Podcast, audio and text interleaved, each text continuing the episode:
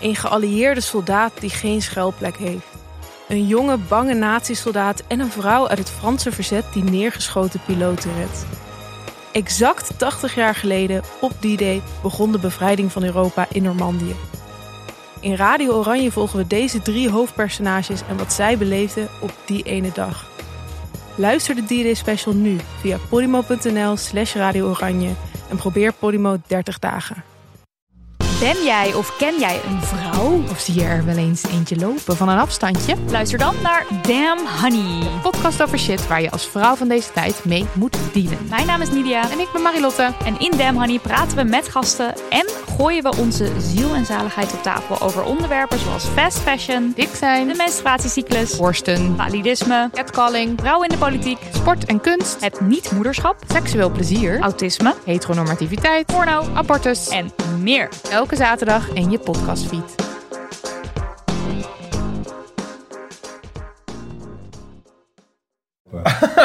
Oké, wacht even. Dus als ik het goed begrijp, er is geen bier. Ik zat even, uh, Even samenvatten. recapituleren. Er is geen drank meer in huis, omdat net Ernst Jan Fout en Alexander Klupping hier waren.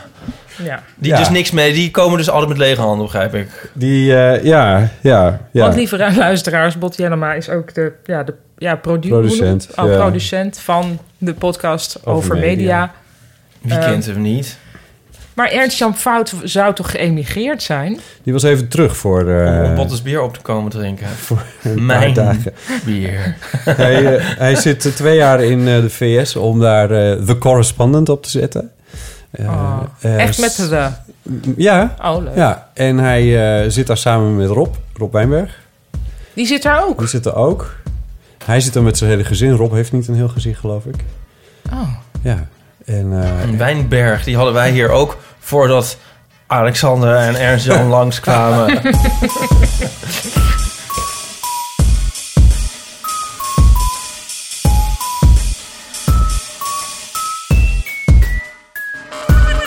welkom bij de Heel van de Amateur, aflevering 58. Ipe Driessen, welkom. Hardo. En Paulien Cornelis is er ook. Fijn om hier te zijn. Dat zeg je elke keer. Ja, ja. Je bent wel consistent. Fouten moet je meer staat jou maar goed. Dank je. Dank Ja, je. Dit dat- is een t-shirt eh, dat ik eh, speciaal heb aangeschaft voor de televisie. Oh Toen ja? dacht ik, ja, dit is dan audio. Ja. Nee, het zit ook gewoon heel lekker. Maar dit is fijn voor in Japan, want het is linnen. En het is in Japan best wel warm. Ja, Dus ja, wat dan moet door je... Fukushima. Onder andere. Weet, je dat door, weet je dat door de aardbeving... die uiteindelijk de tsunami veroorzaakte... Mhm. die de kernreactor liet ontploffen in Fukushima... die aardbeving, Ja. daardoor draait de aarde nu sneller. Nee. Oh ja. Ja. Hè? Ja, Hoeveel sneller? nou... Oh ja, goed shit. Be prepared. En Nou, een paar, een paar microseconden sneller of Oh ja? zoiets per iets. Ja, dat is echt dus nog niks. Maar sneller. En kan dat ook weer met een andere aardbeving En weer heel opgedaan Japan is een maar- klein beetje verschoven ook toen. Oh.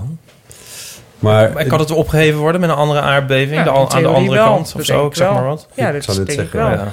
die hele yin-yang levenshouding van jou... zou dat dan allemaal weer moeten in evenwicht Young moeten levenshouden. Ja, het- je bent altijd van het karma en van Karma, als er iets positiefs gebeurt, gebeurt er Oh meteen ja, dat iets wel, ja. ja. negatiefs. Ja, Ja, maar maar als dat er iets negatiefs gebeurt, gebeurt er meteen nog wat negatiefs. Ja, precies. Oh, Het, gaat nooit, het, is het middelt nooit uit. Nee. dat Nee. middelt nooit uit. Oh. Dus wat dat betreft is, is die, was die aardbeving geheel in jouw Ja, straatje. zal je net zien. Ja. Ja. Goeie fun fact.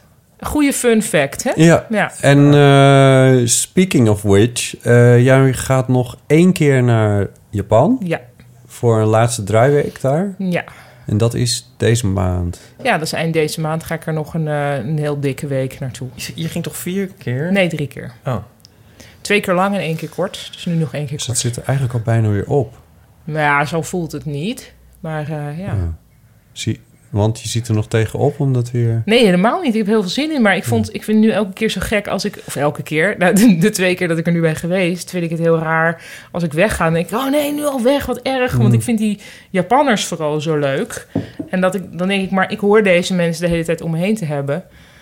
En nu weet ik dus nu altijd bij die volgende keer dat ik er ben... dat ik dan wegga en dat ik dan weet... ja, shit, nu gaat het weer heel lang duren voordat ik hier weer kom. Dat hoeft natuurlijk niet. Hmm, de kans is vrij groot dat het lang duurt. Ja. Ik bedoel, dit was al enorm veel geregeld om dit nu zo te doen. ja. En, en je zei, deze mensen hoorde ik om mij heen te hebben. Ja, zo voelt dat dan. Dat is een beetje pathetisch, hè? Maar Wat, wat doen ze dan? Of laten ze? ze laten heel veel. Ja, dat lijkt me ook lekker. Ja, ze zijn dus, ja, als je dan terugkomt in Nederland, dan is het ten eerste van jeetje, wat heeft iedereen hier veel uitsteeksels aan zijn hoofd en zo, maar dat is dus puur uiterlijk. Ehm, inclusief neuzen, ikzelf, ja. Maar in. Nederland is ook heel veel aankijken en heel veel meteen dingen zeggen, direct contact. En ehm, sociaal contact in Japan is gewoon veel voorzichtiger. Ja. En, en ik vind dat vaak heel ontroerend. Vooral als je een beetje Japans met, ze, met de Japanners praat. Dat je dan... Ja, dat ik vaak het gevoel heb dat ze het ook wel heel fijn vinden om te praten. Maar dat eh, er heerst voortdurend toch het idee van... oh jee, stel dat we iets fout doen. En dat vind ik, eh, ja, dat vind ik gewoon heel sympathiek. Dat mensen zich daar bewust van zijn. Dat er dingen fout Ja, kunnen. van stel dat ik nou iets... Ik, ja, sorry als ik het... Dus bijvoorbeeld, ze zeggen ook nooit nee. Als je voorstelt van nee, zullen we dit of dat doen? Dan zeggen ze nooit nee, maar altijd... Oeh, een beetje... Dus het woord voor een beetje doen ze dan. Maar is het ook niet En dan weet je soms dat- ook wel een beetje vermoeiend? Ja, dat kan ook heel vermoeiend zijn. En ik kan ook wel eens over een irritatiegrens heen gaan. Want, want met dit heel voorzichtige... Hoort, daar hoort natuurlijk ook bij dat we van iedereen verder heel erg verwachten... Ja. dat hij dat doet. Dus als je dan, weet je wel, is, ik weet dat het gewoon een probleem is dat ja, binnen doe je je schoenen uit, oké. Dan willen ze dus eigenlijk dat je ook de huisslippers aandoet die ze daar dan allemaal providen. Ik vind dat altijd een beetje half onsmakelijk, Ja, toch? Ja. Maar goed, oké.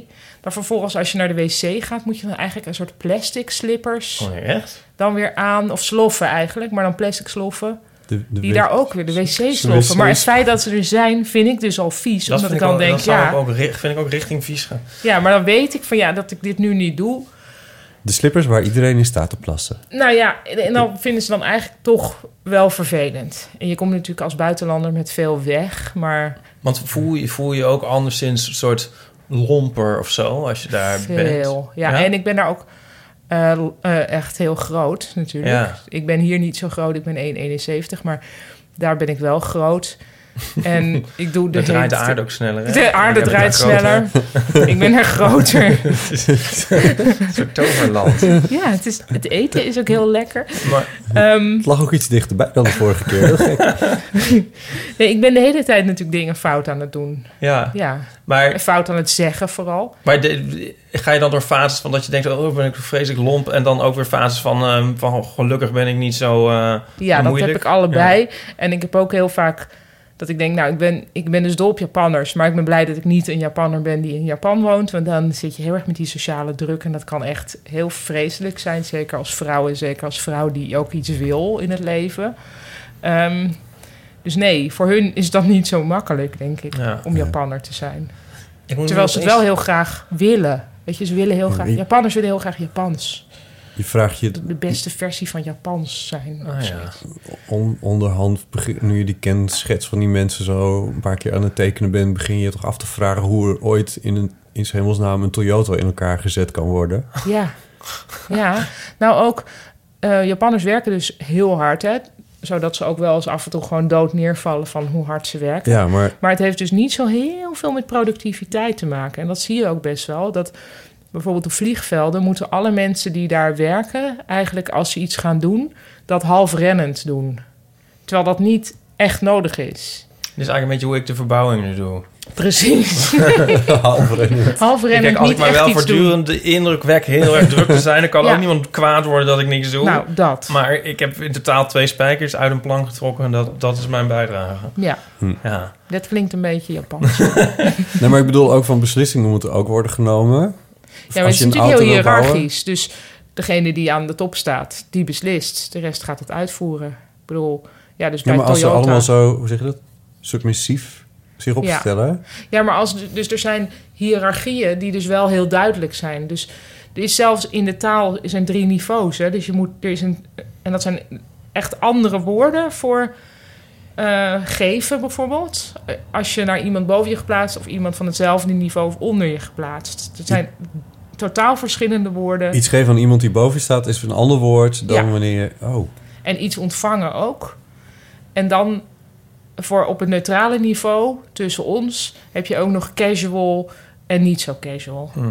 En eigenlijk kan ik alleen maar op dat middenniveau praten. En die andere niveaus die ontgaan mij volledig. Ja. Maar die zijn er wel. En dan weet je dus, oké, oh, die is de baat. Nou, ik weer denken aan dat eh, grapjes naar boven en naar beneden maken. Uh, punching Ja, up en punching punching down. up en punching down. Dat heeft hier geloof ik niet zo heel erg mee te maken. Nee, nou ja, Maar nee, ja, het, gaat wel over hiërarchieën. Ja. Ja. Het schijnt dat Belgen dus ook geen nee zeggen. Nou, trouwens, heel veel Aziatische landen, in Aziatische landen zoals België, wordt, er wordt geen nee gezegd, Nee. gezegd. Maar ik vond een beetje, vind ik ook zo. Dus dat is chotto in het Japans. Dus je stelt iets voor, dus chotto. Dan weet je, oh ja, dat gaat niet gebeuren. Ja. Oh, ja, dat dan wel. Ze staan wel op hun strepen. Ze, gaan niet, ze laten zich niet ook overal maar meeslepen. Ze zijn ook nooit bezet geweest, hè, Japan. Dus ergens trekken ze duidelijk een grens. Ah, ja. Ja. dat, want En Britten... dit is even een eufemisme voor Britten- de Tweede Wereldoorlog. Maar, ja, nee. ja. Maar Britten, eh, ook nooit bezet trouwens, ook een onbezet eiland, ehm, die hebben ook die beleefdheidsvormen. Ja. En gek genoeg las ik hier gisteravond laat nog iets over.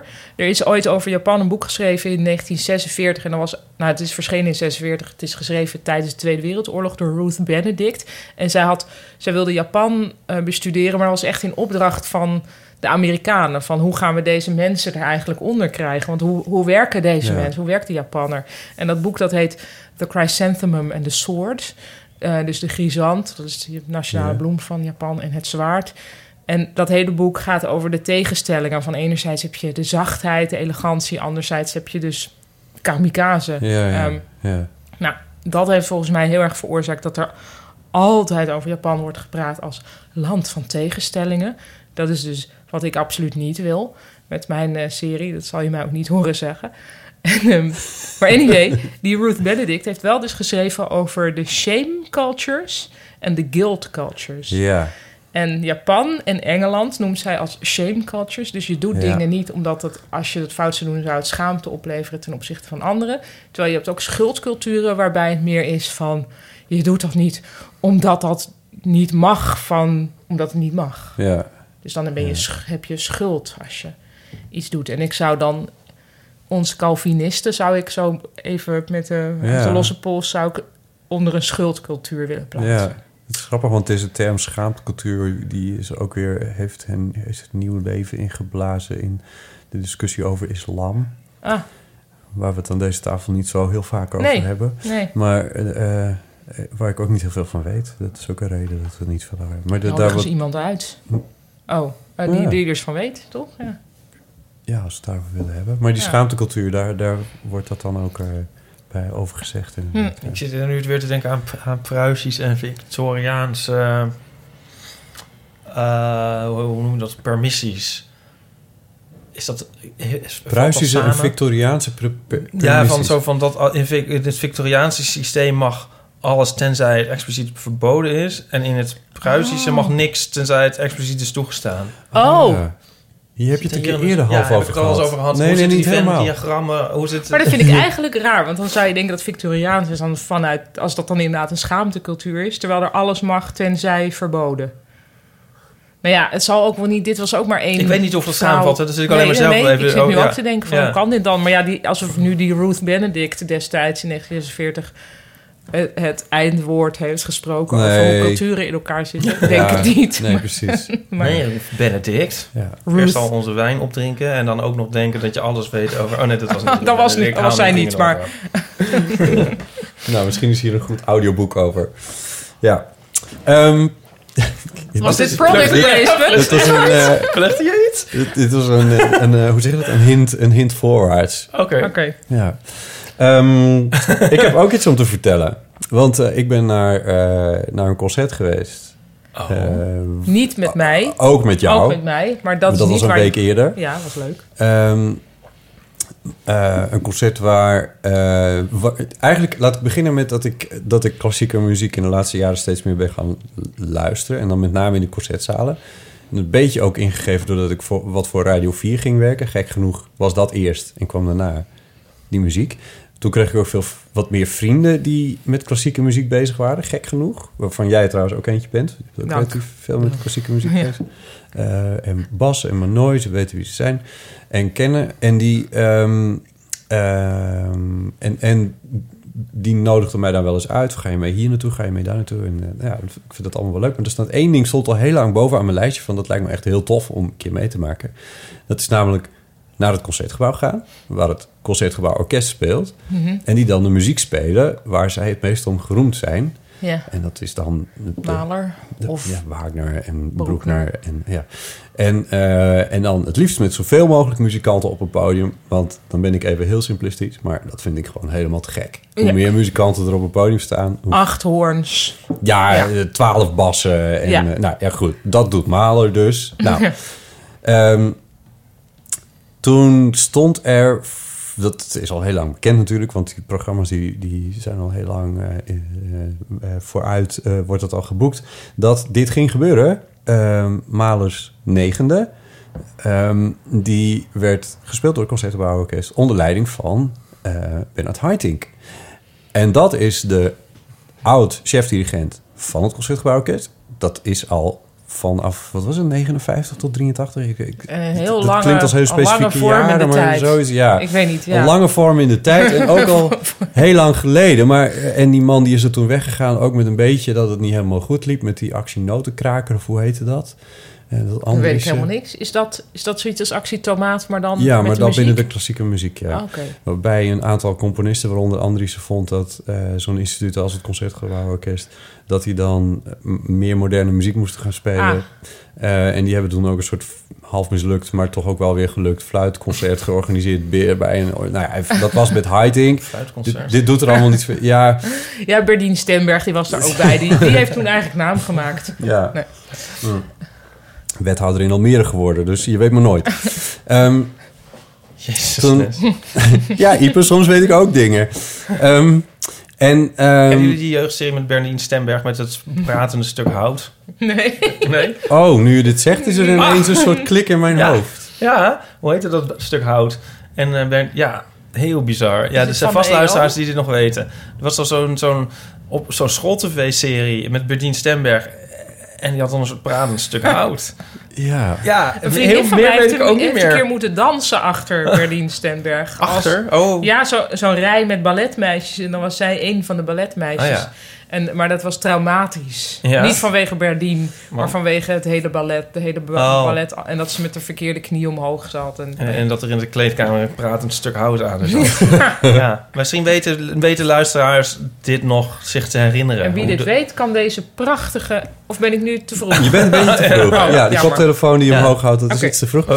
Goed, dwalen af, ja. Een levende legende. Die man die heeft over de hele wereld... Maar is hij wel levend? Ik, had, ik zou, als ik ge- ge- gegokt had moeten hebben, zou ik gezegd hij is dood. Maar goed. Bernard, als je luistert, sorry hiervoor. Het is, het is grappig dat je hierover begint, maar daar zo meer Oh, over. ja. Eh, de man is 89, dus Oh. hij, is, eh, eh, hij is gevorderd. Ehm, maar hij heeft over de hele wereld gespeeld met heel veel beroemde orkesten overal nog wat. En hij heeft, heeft dus een tijdje een beetje woorden gehad met de leiding van het concertgebouw, met de directie. Dat is allemaal bijgelegd. Hij is nu al een aantal jaren is hij eredirigent van het concertgebouworkest. En af en toe dan s- ma- doet hij een Maler en doet hij een Broekner. En, die ook, en dat is ver van tevoren al uitverkocht en zo. Toen vertelden vrienden van me dat ze daar dus inderdaad kaarten voor hadden afgelopen week. En toen op donderdag dacht ik, ja, zou je daar nog naartoe kunnen? Ja, waarschijnlijk niet. Maar laat ik het, eh, laat ik het maar proberen. Misschien via Ticketshop. Je weet, het, leek me niet iets waar, waar Haitink fans van weten. Maar je weet het niet. En toen keek ik op de site van het Concertgebouw. En toen stond Plenty daar... of tickets available. Laatste kaarten stond daar. Kennelijk waren er een aantal teruggekomen en was ik op precies het juiste moment ingelogd op die website. Hmm. En voor ik het wist, stond er een kaartje voor mij gereserveerd voor eh, wel 85, 90 euro ongeveer. Oh. Yes, Wow, hey. levensjaar van Bernard Haitink een euro aftikken. En dat waren nog niet eens de duurste, want je kon je, je, kon je er ook zetelen voor 150 euro. Dan zat je eerste rang plus. En daar waren ook Maar nog goed, een er paar staan ook echt heel veel mensen op het podium. Er staan eh, meer dan 100 man op het podium. Eh, ja, dus dat is, eh, Ja. daar staat wel wat tegenover. En je krijgt Bernard Haitink en het Concertgebouw en het Concertgebouworkest. Eh, en de man speelde dit, eh, deze specifieke symfonie drie keer. Op donderdagavond, op vrijdagavond en op zondagmiddag. Ja. En ik had voor de zondagmiddag, daar hadden die twee vrienden van mij kennen... en Manoy, die hadden ook Dat is kaarten een voor die slow zondagmiddag. beeld, hè, dit eh, verhaal. Ja, want wat was leuk. Ja. Ik had ook nog Waar eens een keer het een kaartje. Precies op, op rij 17. Nee, oh, sorry, op rij 7. En zij zaten op rij 8. En, eh, dus het was het, op, op het balkon Noord. Of hoe heet het? Op het podium Noord. En eh, dus, dus we zaten zat- ook nog eens een keer vlak keek- bij elkaar. En ik keek recht op... Echt, als je de In dirigent wil zien... gezicht. En Ja. ik wilde Heiting heel graag een keertje zien dirigeren. En we zouden hem echt recht in zijn snuit zien. En je voelt hier al de Mhm. Ja. voltooid verleden Nee, tijd. Ja. Die, ehm, eh, de donderdagavondconcert was er en er kwamen al een recensie, recensie in het parool van, eh, van Erik uh, Vloei, Erik, Vloeimans? Erik Vloeimans. Nee, Voermans. Voermans, ja, Ja. sorry. Erik Vloeimans is de Ja. jazz-trompetist. Eh, ja, Erik Voermans, die, die helemaal, helemaal lyrisch was. En die zei, ik zit dit met, met, met trillende handen nog te tikken... want het was zo magisch en fantastisch en alles. Jezus. En het was zo, Oh. zo gaaf. En dus, nou goed, dus en nou, dat, dus de, en, maar iedereen, Manoy onder andere, die, die goed ingevoerd is en ook al naar een paar repetities was geweest, hij is nog eenmaal dirigent, die, ehm, die zei: Ja, ja, Heiting wordt wel echt oud onderhand. Wat En- was daar de subtekst van? Vond Manoy het helemaal, helemaal niet zo goed. Nee, nee, nee, nee, nee. Ja, ja, oké, dat kun je erin lezen. Dat bedoelde Ja? Manoy. Nee, Oh. Sterker nog, hij, dit, hij, voor hem is, is echt een grote held. Mm. En hij vond het fantastisch. Maar ja, het is ook een fragiele man aan het worden onderhanden. Dus gewoon Ja. een oude man. En op vrijdag begon het concert. En toen, na afloop van het concert, deed Haitink zijn handen omlaag. En het applaus begon. En hij loopt af en hij struikelt. Of iets. Op die en trap. hij gaat, hij, ja, en hij gaat op zijn snuit. Op die en dit trap. is een oude man, dus daar, vlie- daar, daar gaan een paar muzikanten... Weet je of hij Noord of Zuid op de trap? Oh, zat je... Noord, Noord. Noord, Ja, maar nou, maar- oh, hier was ik dus niet bij. Nee, hè? weet ik, maar had je er dan bij... Nee, ja. Ja, dan was het waarschijnlijk ongeveer voor mijn neus. Nou, dat weet ik niet. Maar het Nou was, ja. het was wel voor mijn neus gebeurd, ja.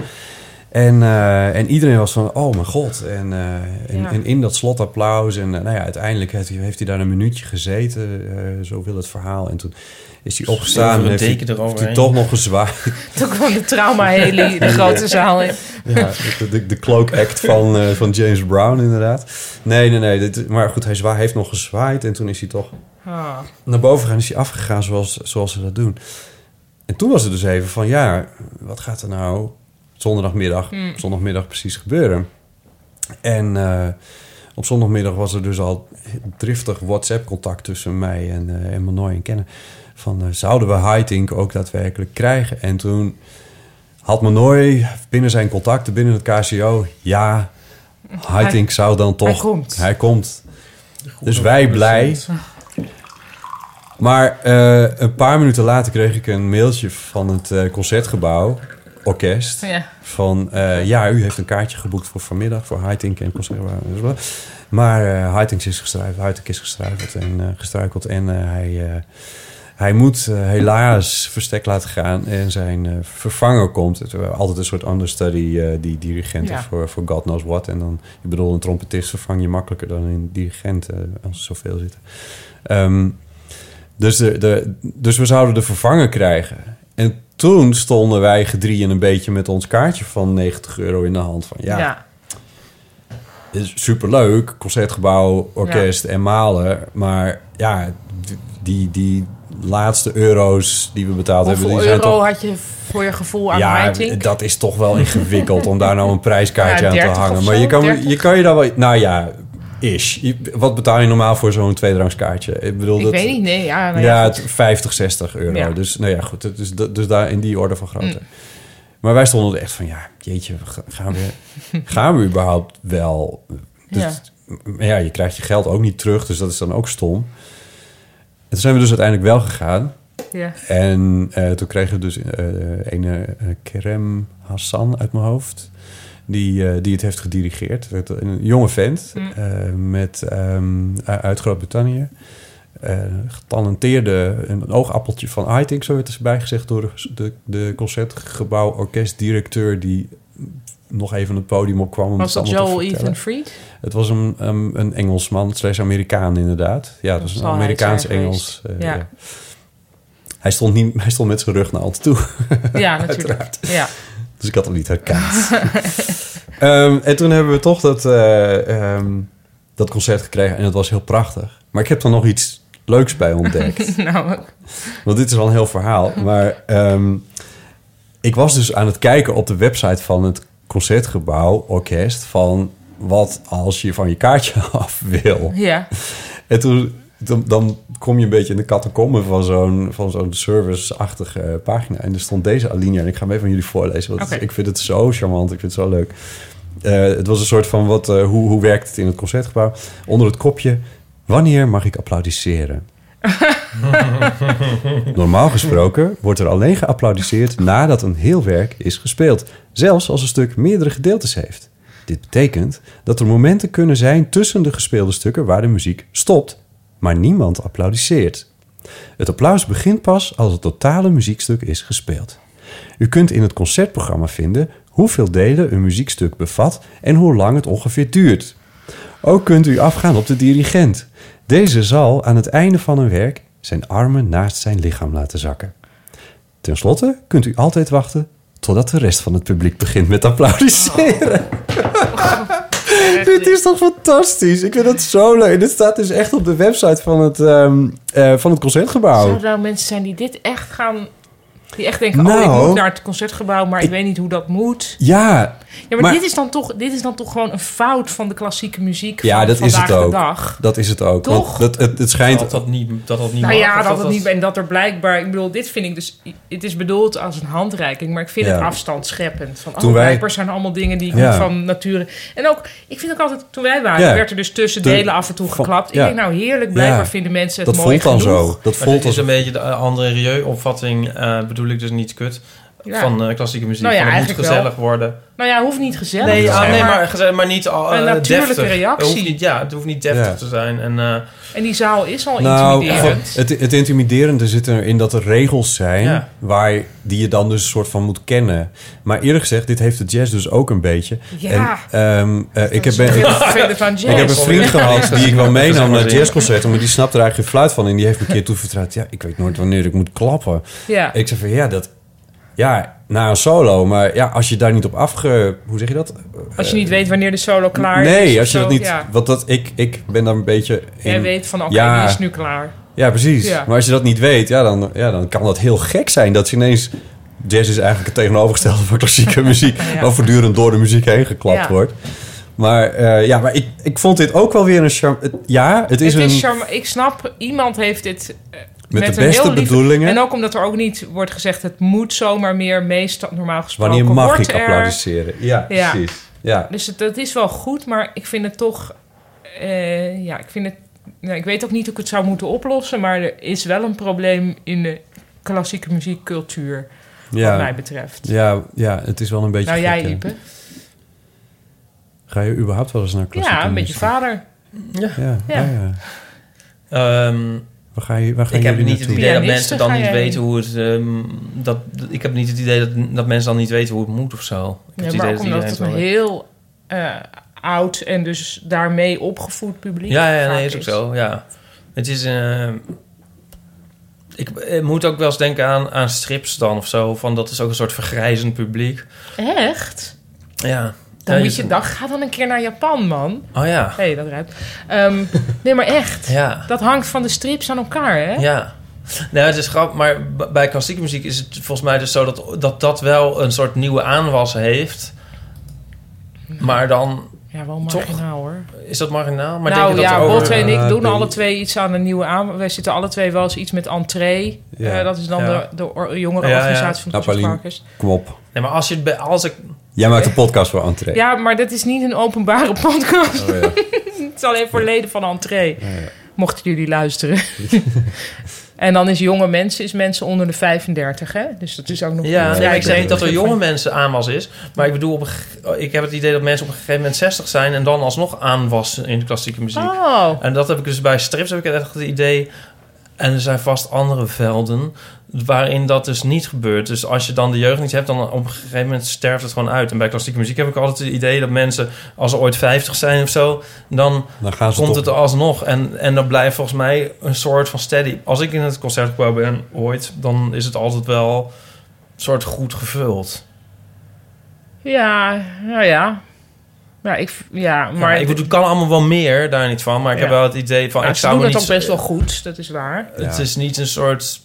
eh, ja, er zit nog wel leven in. Je wou niet. sterfhuisconstructie zeggen? Eh, nou, dat dat is- ja, sterfhuis. Constructie wou ik Ja. niet zeggen. Nee, st- sterfhuis wou ik inderdaad zeggen. maar, en, maar toen werd ik ook afgeleid doordat ik dacht van... wanneer zei ik het nou ook alweer gisteren? Maar het was inderdaad... ging het toen... Oh, nou, het maakt niet uit.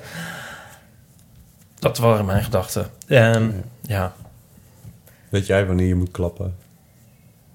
als de dirigent zijn armen naar beneden... niet tussen de stukken. Ik, vind, eh, ik erg me altijd aan het kuchen. Maar goed, daar zijn ze dan ook Ja, altijd heel erg mee dat, bezig. dat denk ik dan ook. Ja, Maar dan, dan, dan blijkbaar willen mensen iets. En dat snap ik ook wel, want er is heel veel opgebouwde spanning. En dan ineens is het stil. Oh jee, oh, nou, dan gaat iedereen dan ineens kuchen. Wat een onzin. ja, Doe dan wat anders. ja. Bedoel, het is nog maar heel recent dat het die sacrale sfeer heeft gekregen. Ja. Ja, dat heb ik ook wel eens ergens gelezen. Nou, ja. in de tijd van Mozart was dat bijvoorbeeld niet zo. Dat Gewoon werd ge... ge- ge- Nee, dus dat is Ja. echt heel recent. Nou ja, ik bedoel... Nou ja, in de lange Ja, wanneer lijnen. is dit gebeurd? Schubert had ook nog gewoon leuke avondjes met vrienden. en dat, ja, dat heet dan Schubertiade. En dan ging hij het leuk spelen. En mensen, oh, wat leuk. Nou, nog, neem nog een hapje. Nog een deel, neem nog een deel. Ja, en het komt misschien ook omdat het echt uit de populaire cultuur eh, een soort losgemaakt is. Maar voor, door wie Hmm. en wanneer is dat dan gebeurd? Nou, door pop, door de opkomst van pop is dat, Nee, heeft dat denk nee, ik gewoon nee. verdrongen. Ja, nou wacht even. Nee, want dit is of al is langer hoor. versterking? Nee. Komt het door microfoons? Nee, ook niet. Oh. Het is, nee, het is al ouder. Er is een componist en... Oh, ik, ga, ik, ik ben vergeten welke. Maar er is een componist en die heeft gezegd... tussen deze stukken door mag niet worden geklapt. Ja. En, dat is de, en dat is toen vervolgens toegepast op eigenlijk alle klassieke muziek. Dit is het verhaal wat ik ergens heb ja, ja, gelezen. oké. Dit moet dus even Nee, ja, maar, dan, maar, de, zeg maar wanneer het uit de populaire cultuur is verdwenen, toch een beetje. Ja, maar dat, eh, ja. Het is in een soort in een museum bijgezet. Maar ik heb vroeger gingen mensen dansen. Zo erg is het nog ook ze gingen ze een soort wa- walsen, zeg maar. Hmm. En ja, toen was er, omdat er niet Sensation Wise ook gaande was. Toch? Er was er ook alleen maar dat. Dus ja. er zijn natuurlijk alternatieven naast gekomen. ja. En eh, daar is Ja. denk ik iets gebeurd. En toen is het langzamerhand een beetje ver, vergeestelijkt dan misschien. Ik, ik heb nu ineens... Het zou natuurlijk ook helpen als, er, als het zeg maar helemaal vol zat met, met, met pubers en tieners en mensen met een pil op of zo. Zou misschien ook wel helpen om de Mensen met sacrale een- sfeer een Met beetje de pil te... op zou zeker heel goed. Ik denk ook best wel misschien een fijne belevenis. Ja, het zou best wel leuk, leuk kunnen zijn. En misschien, Ja. misschien een beetje een beat. Maar eh, maar dan moet je misschien iets beetje hebben een van een... Ja, Er zijn van dit soort initiatieven. Ik weet van een eh, echt een nacht... eh, een concertgebouw met ecstasy. nou, dat Ja, er weet ik gebeurt er van alles. hè. Je hebt tracks en zo. Ja, precies. Ja, Ja. heet dat. Wat echt avonden zijn waar DJ's alleen maar klassieke muziek draaien. Het lijkt me eerlijk gezegd lijkt me dat best leuk om daar een keertje naartoe Ik wil te er ook gaan. wel eens een keer heen. Zullen we ja. daarheen? Ja, laten Wil jij ook mee? doen. Ja. Oké, Ja, dan gaan we op date. ja, ik weet niet of ik een pilletje neem hoor, Ipe. Nou, Nou, alsof ik, nu weer Mr. Pil ben. Ja, dan- en alsof ja, nee, je erover twijfelt. Het antwoord is Ja. nee. Nee, ik probeer heel, heel op zijn eiland probeer ik dit te brengen. Precies, van dat vind ik Ja. een beetje goed. Ehm, Weet je wat mij wel eens opvalt? Als ik eh, daar de keren als ik naar het concertgebouw ga, maar dat wordt misschien heel vreemd, een soort generaliserend lomp, lompe opmerking over generaties. Het meest had ik het toen ik naar de opera was, overigens, dat ik de mensen dus heel erg lomp vind. Van het hoe dan? publiek. Ja, Het ja, publiek. Die ja. lopen je de hele tijd omver en zo, en die dringen heel erg voor en zo. Ja, dat is waar. En dan denk ik echt van, wat Nou, wat entitled. Ja, maar dat is Ja. echt heel erg entitled. En bij Ja. de opera vond ik het echt niet normaal. Heb ik echt bijna man echt een soort klap gegeven. Ja, dat heel... van, dit ja. kan echt niet. Ja. Nou, het, het percentage rijke mensen Ja. is natuurlijk hoger daar. En, en de abonnementhouders. onder de rijke mensen zijn denk ik meer mensen die voelen alsof ze ook recht hebben op een van deel Ja, bezitten oh ja. van. Maar ik vind het wel fijn dat je hierbij valt. Want ik dacht, Ja. misschien is dit een heel rare opmerking Nee, van me. dit is echt zo. Soort, dit, Daarbij, dit geldt dus niet voor de Stopera, vind ik, maar wel voor het concertgebouw. eh, voor het concertgebouw dat je heel erg eh, dicht op elkaar ook zit. Ja. Dus het is ook Ja. wel snel. eh, ja. Omdat mensen dus vroeger kleiner Gelukkig waren. overigens nooit heel lang. Dat vind ik toch ook wel weer opmerkelijk. Ze doen, als de concerten afgelopen zijn, dan gaan alle deuren tegenwoordig open. Ja. En dan ben je zo dat gebouw uit. Dat, Dat is wel echt een verlichting. eh. Ja. Hey, over verlichting gesproken. Ter- nou, oké, dit heb ik dus in Japan besproken met het eh, team. Ja, Eh, er zijn dus theorieën, en daar is ook een boek over. Ik vroeg me af of jullie daarvan wisten. Dat de hele verlichting eigenlijk komt... Nou ja, verlichting. Ja, nou dat in ieder geval dat mensen dat eh, door uit koffie. Eindhoven. Door, Philips. nee, nee, Oh. nee, nee, door, Door koffie. koffie. Ja, dus dat eerst. Jij kijkt op de klok. nou, ik kijk weer van, ik wil eigenlijk wel koffie. ik dacht, is het te laat voor koffie? Ja, het is te laat voor koffie. Oh, ik ben een beetje Ja. inzakken. Maar, eh, Nee, maar dus, er is dus een theorie dat Ja. koffie... Dat er, want daarvoor dronk iedereen de hele tijd bier. Dus er is een soort grootste deel van de Europese geschiedenis... was iedereen low-level dronken. En ik kon gewoon niet... En pas toen, toen koffie werd geïntroduceerd... gingen mensen dat drinken. En was het van ineens van... Hé, wat hebben we nou voor rare dingen zitten geloven? Dus daarna zijn allemaal uitvindingen gedaan. Zijn mensen rationeel gaan nadenken. waar heb je de... En- Ja, waar kon je Oh, het dan? ja, Fantastisch. En kwamen er ook koffiehuizen. En dat was dus ook een veel... Was dus ook heel Wiense koffiehuis. Ja, maar ook in Londen. en ook, eh, nou ja, waar niet. Wiener Melange was ook uitgevonden voordat je het wist. Ja, maar bijvoorbeeld eh, Bach. eh, ja, en die kwam ook bijvoorbeeld in ehm Nog heel kort Leipzig. geleden. Bach. Leipzig in koffiehuis. Dus daar kwamen ook allemaal mensen samen van uit verschillende milieus die allemaal die koffie dronken en dan soort helder met elkaar gingen nadenken. En hier zijn dus boeken over en ik hoorde het in Japan. Dronken ze verder alleen maar alcoholische dingen dan? Bier was het enige, zeg maar. Geitenmelk Je kon geen, Nou, je kon geen water drinken. Water want was het gewoon Ja, ja. giftig. Ja. Ja. Dus, Dus dus ja. je dronk bier. Bier. Dus iedereen, Ja. moet je je voorstellen dat iedereen de hele tijd zo'n beetje... oh, en dan ineens is er koffie. Grappig. Zou Zeg niet maar mijn nu... studententijd. Zou, niet een soort, Ja. zou dan nu, nu iedereen voortdurend op pilletjes aan het uitgaan... is er een soort tweede verlichting aankomen? Wat? Voordat de pil was uitgevonden... was iedereen dus de hele tijd zo op, op koffie. Super scherp. Ja. Maar toen kwam het pilletje... en sindsdien zijn we allemaal veel relaxter. ja, maar ik denk dat je dan dus onderschat... Ja, het is echt heel Ja, ik denk dat er heel over pillen. weinig mensen maar een pilletje... Ik denk dat heel weinig het over mensen heb. maar een pilletje af en toe... Het gaat dus om wat je continu in je systeem hebt. En op een gegeven moment werd dat koffie. Ja. Oh ja. Ik vind het heel leuk. Ik denk, kunnen we dit ergens nalezen? Want Ja, ik zou dat hier kunnen heel we. graag meer ik zet het over in de willen. show Ja, notes. Ja, daar wil ik er wel heel graag meer over weten. Ja. Maar kunnen Ik we... schrijf op show notes. Ik geloof dat de schrijver van het boek Pendergast heet of zoiets. Oh, dat is wel een naam. Nou ja, het is een naam, maar het is, ik weet niet of het die is. Nou, Maar- het komt in de show Is notes. het heel erg disruptive als ik om een kopje koffie vraag? heb, je, heb je niet oploskoffie of zo? Nee, ik ga gewoon een lekker dat? kopje Ja, koffie voor je maken. Oh ja, ja. natuurlijk. Oh, bedankt. ik wil dat je Ja. optimaal presteert hier. Oh ja. Want dan, zal ik dan nog Zullen één heel een kort... eh, theezakje doen? Oh, ja, ja? eh, over klassieke muziek zit ik te denken. Ik had er gisteren namelijk een gedachte ook nog over. De, ik was naar de film Solo, A Star Oh, Wars Story. En de muziek is nogal prominent in die film. En die is dus puur... Wie vindt dat ook altijd weer zo leuk? Oh ja, Linda Duits. Oh ja, jezus. het is weer gelukt. Nee, maar ehm, dat is dus heel erg klassiek... ehm, ontzettend traditionele soundtrack, zou ik maar zeggen. Mhm. En ehm, die film is toch best wel gericht eigenlijk op kinderen en jongeren. Ja.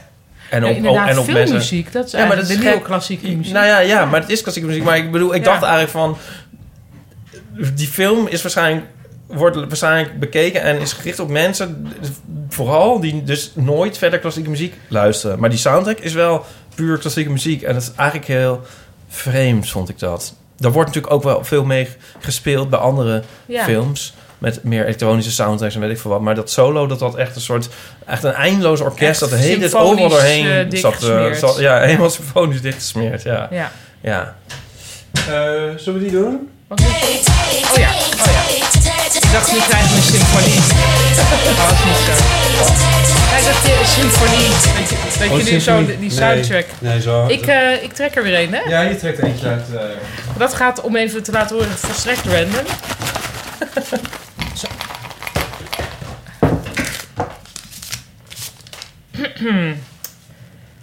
Zo. Nou, ja, goed, we moeten het altijd serieus nemen. Eh, nee, ja, niet oh god, was het maar oh god. Oh. Eh, het is, hoe ziet jouw ochtendritueel eruit? Nou, Nou, je dat, maar niet, eh, dat maar niet vertellen. ik, geen ochtend. Ik, eh, ik heb hier een strip over. In welk boekje staat die ook alweer? Ehm, nou, ik probeer... eh, Ja, die strip gaat zo van dat ik dan eh, zeg maar eerst check... Ik, kijk of ik een mail heb, eh, een bericht... eh, Weet je wel, Instagram, met Pet Shop Boys Forum, eh, mijn RSS-feed, eh Grindr. eh ja, wat heb je allemaal? vroeg ook? Ja, alles. Maar ik heb- dan niks, hè, bij al die Nee, dingen. En dan, dan kijk ik zelfs mijn banksaldo.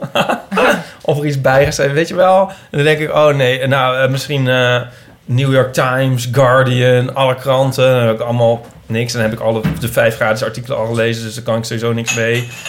En dan ben ik dan zo, zeg maar, tien minuten bezig of zo. Misschien wel langer. En dan denk ik, van misschien is intussen... kan er dan wel weer iets gebeurd zijn... bij een van de eerste dingen die ik heb Oh, gedaan. dan kan je dus terug. nog een keer doen. En dan kan je, dat kan je zeg maar iets van vijf keer doen. Gaat steeds sneller, steeds sneller. Concentreer je, nee, niks, niks, niks. Nou, tot, en dan lig je zo'n half uur eh, in bed en dan sta ik op. Maar is dat autobiografisch? Eh, ja. Ook. Ja, dit is helaas, mag ik wel zeggen. Nou, ja, ik ben bang dat ongeveer zo gaat mijn ochtend. Oh, Ik kan nog wel verder gaan. Dan, meestal zet ik aan koffie. En ik kan dus nooit werken als ik geen schoenen aan heb. Daarom kan ik dus niet naar Japan. Wat? Hebben we het toch wel eens over gehad niet? Nee. Nee? Nee? Nee. Ik kan me niet concentreren als ik geen schoenen aan heb. Wa- Ik moet Nee. altijd schoenen aan hebben. Heb je het hier nooit over gehad? Wat is dit voor aardstraal Dit, maar ik verhaal? weet zeker dat ik dit onthouden had. Ja, ik ook. Ja. Ja, dit Van is, mijn moeder. Van mijn moeder. Maakt, maakt er uit wat voor het soort heel erg- schoenen? ik vind het ook heel erg oniepen. Ja? Ja. Ik vind het juist heel erg, Ipe. Ik vind het... eh, Nou, misschien ook wel inderdaad. Ik moet mijn schoenen aandoen, anders kan ik dus niks behalve. ik dus vind jou één eerder uur het in de type van ochtend. ik moet mijn schoenen uit, anders kan ik niks. Dat vind ik meer jou. Nee, ik heb altijd mijn schoenen aan. Behalve dus één uur in de ochtend. Dan ga ik... Want ik kan dus ook niet op... Als het niet opgeruimd is, de huis, kan ik ook niet tegen. maar dan laat ik dat even. En dan trek ik ook nog niet heel veel kleren aan. En dan ga ik zeg maar één uur met koffie... Dan heel veel... eh, alvast iets simpels doen. Zeg maar een strip uitwerken die ik al heb gefotografeerd. Zo zeg maar een soort gedachteloos werk. Ja, het monnikenwerk. Ja, maar dan eigenlijk wel het leukste eh, vind ik dat eigenlijk. Waarbij ik een soort uitsta, eigenlijk geestelijk. en dan, eh, dan ga ik denk ik me helemaal aankleden en alles helemaal eindeloos opruimen en zo. En dan ga ik een keer bij mij komen doen. dan ga ik ontbijten en dan is de dag trouwens alweer bijna om. Dat was mijn ochtend. Wauw. Ja, Botten is weg. Ja.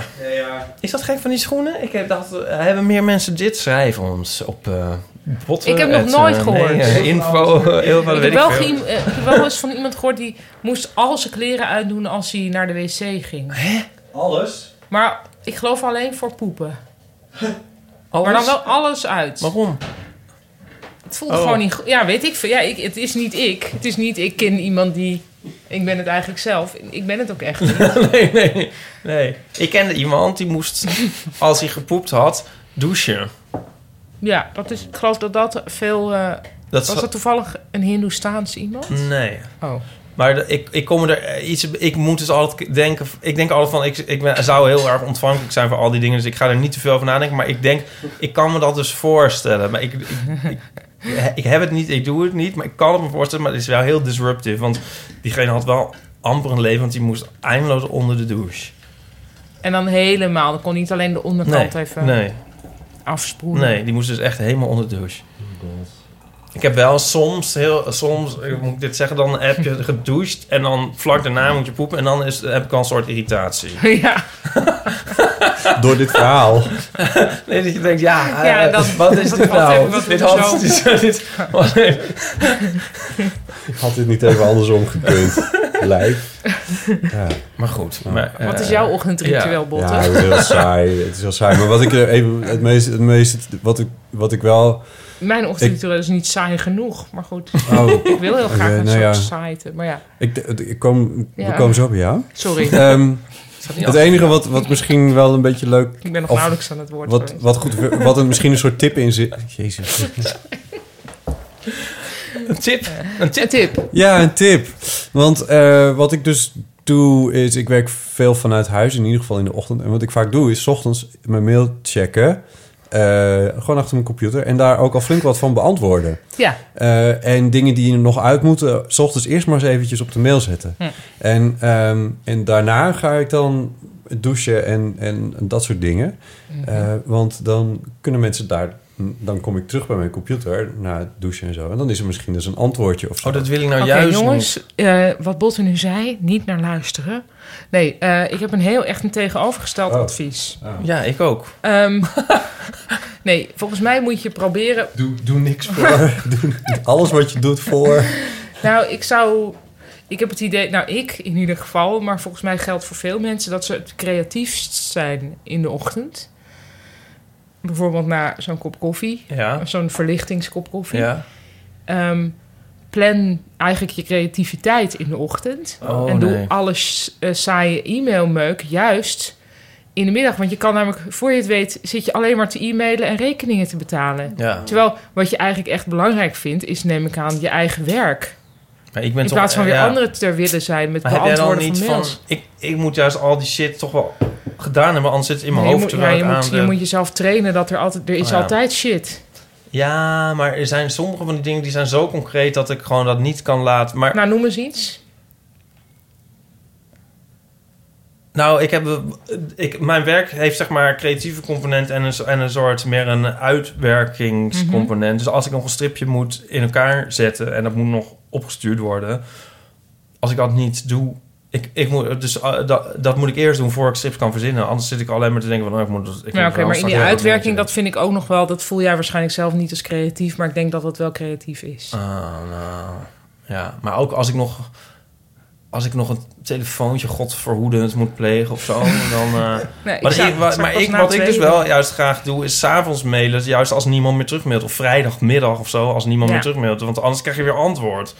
Ja, ja maar dus Ja, wel- maar soms Ja. moeten er ook gewoon dingen geproduceerd worden. En wil je dan wel... Maar ik vind het lekker om... eh, nou ja, mij niet uit. Het zal voor iedereen anders Ja. zijn, maar, Net voor wat Ja. je doet. Ja. Het is, ja. maar ik zou wel graag in ieder geval uiteindelijk in de situatie terechtkomen dat het ook allemaal echt klopt. Van, oh ja, van dan tot dan doe ik dat en dan doe ik dat. En dat het allemaal, dat het ook zo is.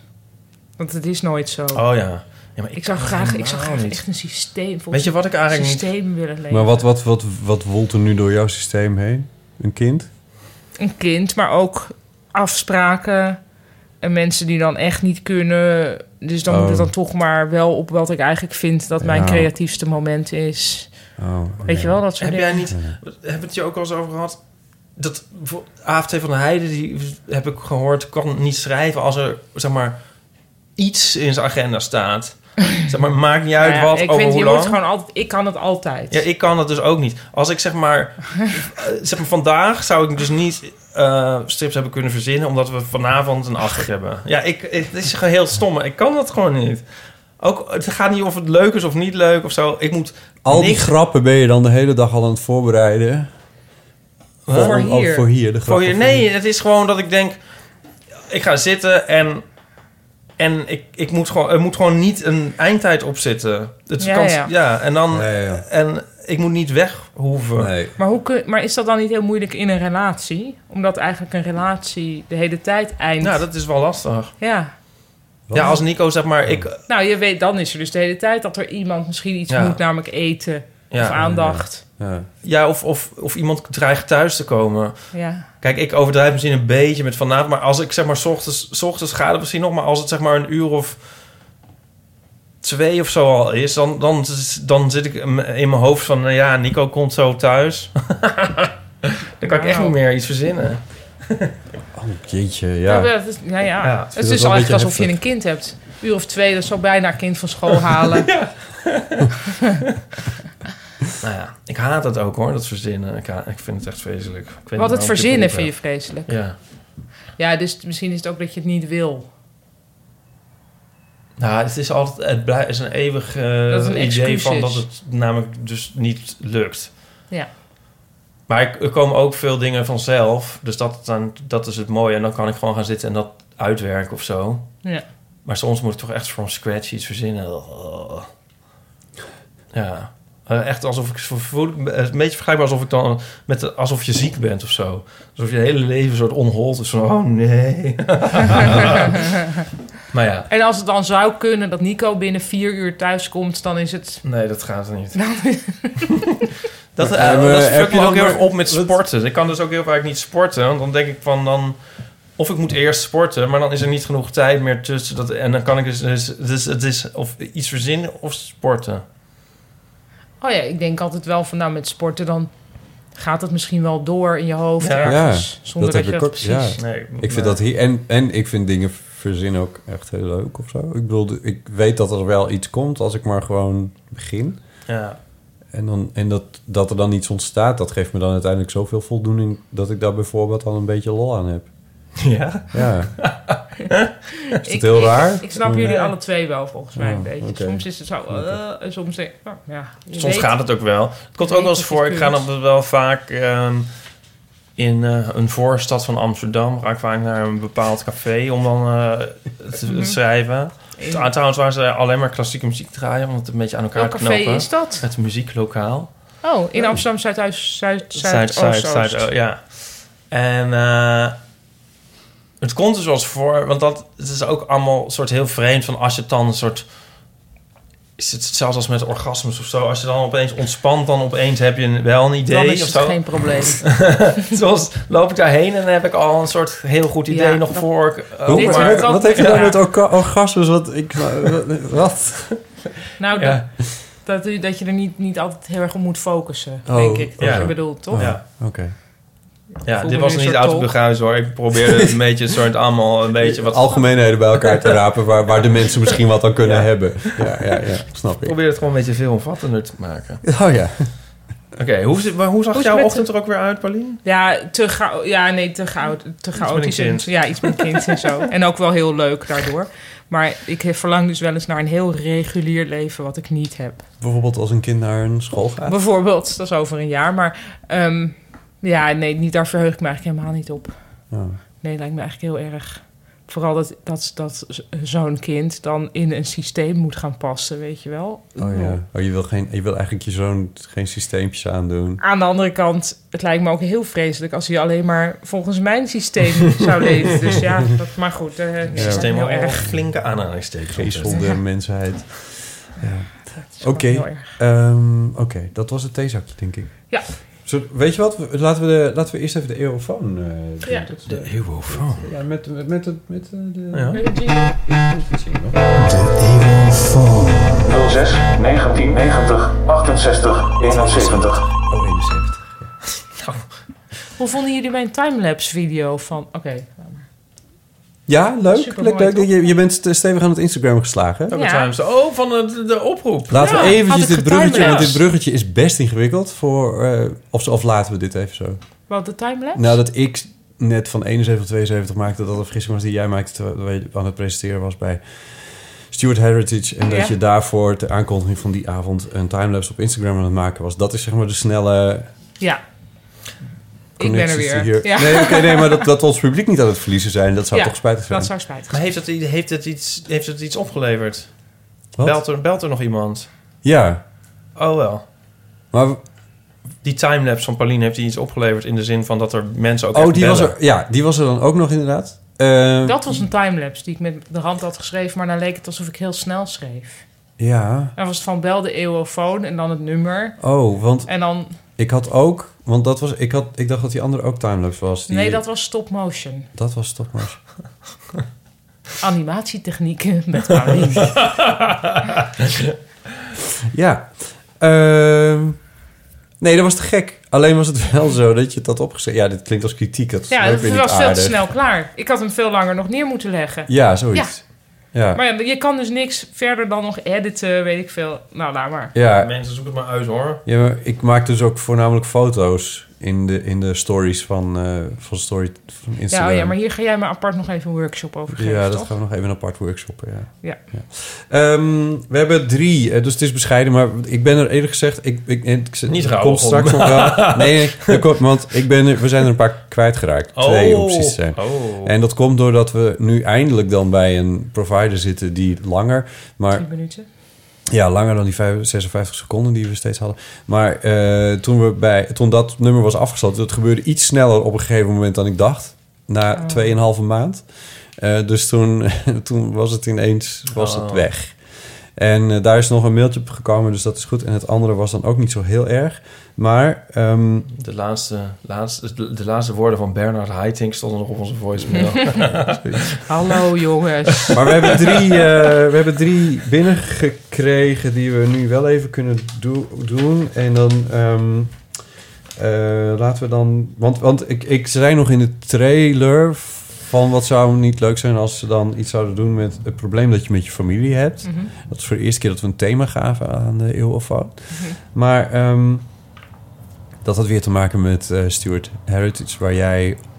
Ik deed een avondje met deze Britse schrijver die een boek heeft geschreven dat heet Don't Be a Dick Pete. In het Nederlands vertaald als Mijn broer is een eikel. Een non-fictieboek over zijn broer waar hij een soort haat-liefde verhouding mee heeft. Ja, eerder aan bod Erg gekomen. In Ja. het Engels heb ik het toen ook gelezen. Maar goed, jij had dat avondje en toen vroeg je aan de mensen van schrijf op een papiertje. Wat is het probleem? Het, het grootste probleem dat ik met mijn familie heb. Puntje, puntje, puntje. Ja, Nou, dus ik dacht misschien is dat aardig en daar hebben we wel iets eh, op gekregen. Laten we even luisteren naar, ehm, naar Danny. Dag Botte, Ipe en misschien ook Paulien. Eh, ik ben Danny van Zuilen en ik luister altijd naar je podcast. Ik vind het superleuk. En ik heb ook mijn tweelingbroer Nick zo enthousiast gekregen om te gaan luisteren. En daar gaat eigenlijk mijn vraag over. Want ik hoorde van Paulien over het boek Mijn broer is echt een eikel. Eh, en het boek heb ik meteen aan, aan hem cadeau gegeven. Niet omdat hij zo'n grote eikel is, maar omdat ik dacht, gewoon leuk, gewoon uit niets een cadeau. Maar ook aan jullie een vraag. Ik ben dus een een-eigen tweeling. Stel je voor, jullie zijn ook voor één dag een een-eigen tweeling. Wat zou je dan met je broer of zus die dag gaan doen? Ik wil graag jullie vraag. Veel succes met de podcast. Dankjewel, Nou, dankjewel, dankjewel, Danny. Danny. Eh, je bent één dag een één eigen tweeling. Wat zou je die dag met je broer... Misschien ben jij dan een, heb jij dan een zus, Paulien, denk ik. Eh, Ja, wat zou je denk dan ik die ook, dag... hè, die twijfel. nou mijn hebben kind, we een Mijn tweeling. kind was vandaag ook van... Mama, jij lijkt op een meneer. Oh, Ehm, oh toen zei ik, God. ja, ja. En toen... ik baam dat ook volmondig. Zei ja, je lijkt op een meneer... maar je bent een mevrouw. Oh, oké, dat was dan wel duidelijk. Nou hebben we toevallig ook een tweeling aan tafel zitten. Eén van de tweeling. Oh ja, Ja. zeggen. Ja, maar dan niet één eigen. Nee. Is deze vraag voor jou dan ook een beetje abstracter Awkward. of juist ab- awkward? Ja. Eh, want ik heb dus een tweeling zus. ja. Ehm, dus ik moet daar eens over nadenken. Hoe zou dat zijn? Om een tweelingbroer te hebben die identiek is aan zeggen, jou. want daar heb je wel eens over nagedacht. Dat zou voor fotostrip zou het wel Ik echt zou ideaal Dit zijn. was vroeger voor mij echt een diepe wens... om een, ei- een eigen tweeling te zijn. Ja, Ja. dat lijkt me echt heerlijk. Ik wou dat ik twee poesjes was, dan kon ik fijn samen spelen. Hondjes, Oh, ja. hondjes, ja. ja. Want, Ja. want Ja, wat was dat? Ik had denk ik heel erg behoefte aan eh, dat je eh, ja, volledig. eh, da- dan dacht ik dat je dan volledig begrepen werd of zo. nou, dat je nooit alleen daar was. zit, dat, dat- daar zit wel wat in. Oh, sorry dat ik meteen Ja? weer onderbreek. Nee, want ja, dat, maar daar hoef je meer- geen een eigen tweeling. Want er zijn dingen met mijn tweelingzus die ja, volgens mij die ik weet dat wij precies hetzelfde Hm. weten en voelen en herinneren en zo. En waarbij ik het idee heb dat dat echt heel erg overlapt. En dat, dat vind ik best wel geinig. En dat is dus meer dan bij je niet-tweelingzus. Ja. Ja. En dat zijn heel rare dingen. Van we hadden vroeger noemden wij eh, hadden wij een woord voor, voor als je been. Dan zeiden we hadden we een slapend been of slapende arm. Ja. Maar dat is dan niet wat, wat, dat, wat dat is. Sorry. Het is echt heel Nee, Maar dan, eh, en, dan, en ik weet dus zeker dat zij dan datzelfde voelt, maar ik kan dat dus niet uitleggen. Maar wacht, jullie hebben dan een slapend been? Ja, maar dat is niet zo'n wat je normaal gesproken onder Niet slaand zo'n been. niet zo'n prikkend been? Ja, ik heb het dus ook nooit meer. We hadden dat als kind alleen maar. Oh, Ja. maar is het, heeft het te maken met dat je ineens... eh, het heeft niks met lengte te maken. Lengte? Nou, ik heb soms ineens het gevoel dat ik eh ineengekrompen ben. Dus dat... Oh, dat- ja? dat als ik dan bijvoorbeeld... Als je, eh, als je uit Japan terugkomt in Nederland. nee, meer dat ik bijvoorbeeld naar het aanrecht loop... en dat ik denk, nou, ik ben benieuwd of ik erbij kan. zo, Oh. ja, niet echt Ja? benieuwd zijn, want ik weet natuurlijk dat dat niet zo is. Maar er is ineens een soort andere perceptie, waardoor ik een soort kabouter lijk. Oh, wat leuk. En ik weet dat er ook mensen zijn die hebben het gevoel ineens dat hun armen heel lang zijn. Oh ja? En dat zijn bekende soort... Ja. Dus ik dacht zoiets misschien. Nee, het is meer een soort pijn Oh, was het. een groeipijn misschien. Ja, misschien. Het was al rond ons hoe oud waren toen. Zou kunnen, ja. Oh, maar wat is het toch fijn dat je Nou ja, dan iemand maar dat hebt is waar je wel dat mee kan delen. Ja. Ja, En ze is, dus, ze is dus mijn externe harde schijf. Want ja. toevallig vorige week eh, gingen we nog eens eh, onze eh, eerste klas van de middelbare school doornemen. En ik we- weet dus ni- niemand meer. En zij wel. En als ze dan daar lang genoeg over praten, dan weet ik het ook allemaal weer. Oh ja. Dus dat is ook heel handig. Maar dat is Ja. beantwoord niet de vraag. Ja, want ik denk dat Danny het eerder heeft over... Je kan natuurlijk ook mensen voor de gek houden. Ja, oh ja. Weet je, er zijn natuurlijk de, de hele filmtropes ja over maar ik weet niet of hij dat dan ook bedoelt. Nee, dat Je kan solliciteren op de baan van je broer of, je, Ja. zus- of je, dus je zus. Ja, maar dat zou, Ja. dat zou, dat zijn niet, ja, dat is gek. Maar ik geloof dat ik er toch ook wat een romantischer idee bij je heb van, En toevallig ook nog vandaag eh, was ik dus wel in de sportschool... en toen kwam er een niet onappetijtelijke jongen dezelfde ruimte binnen.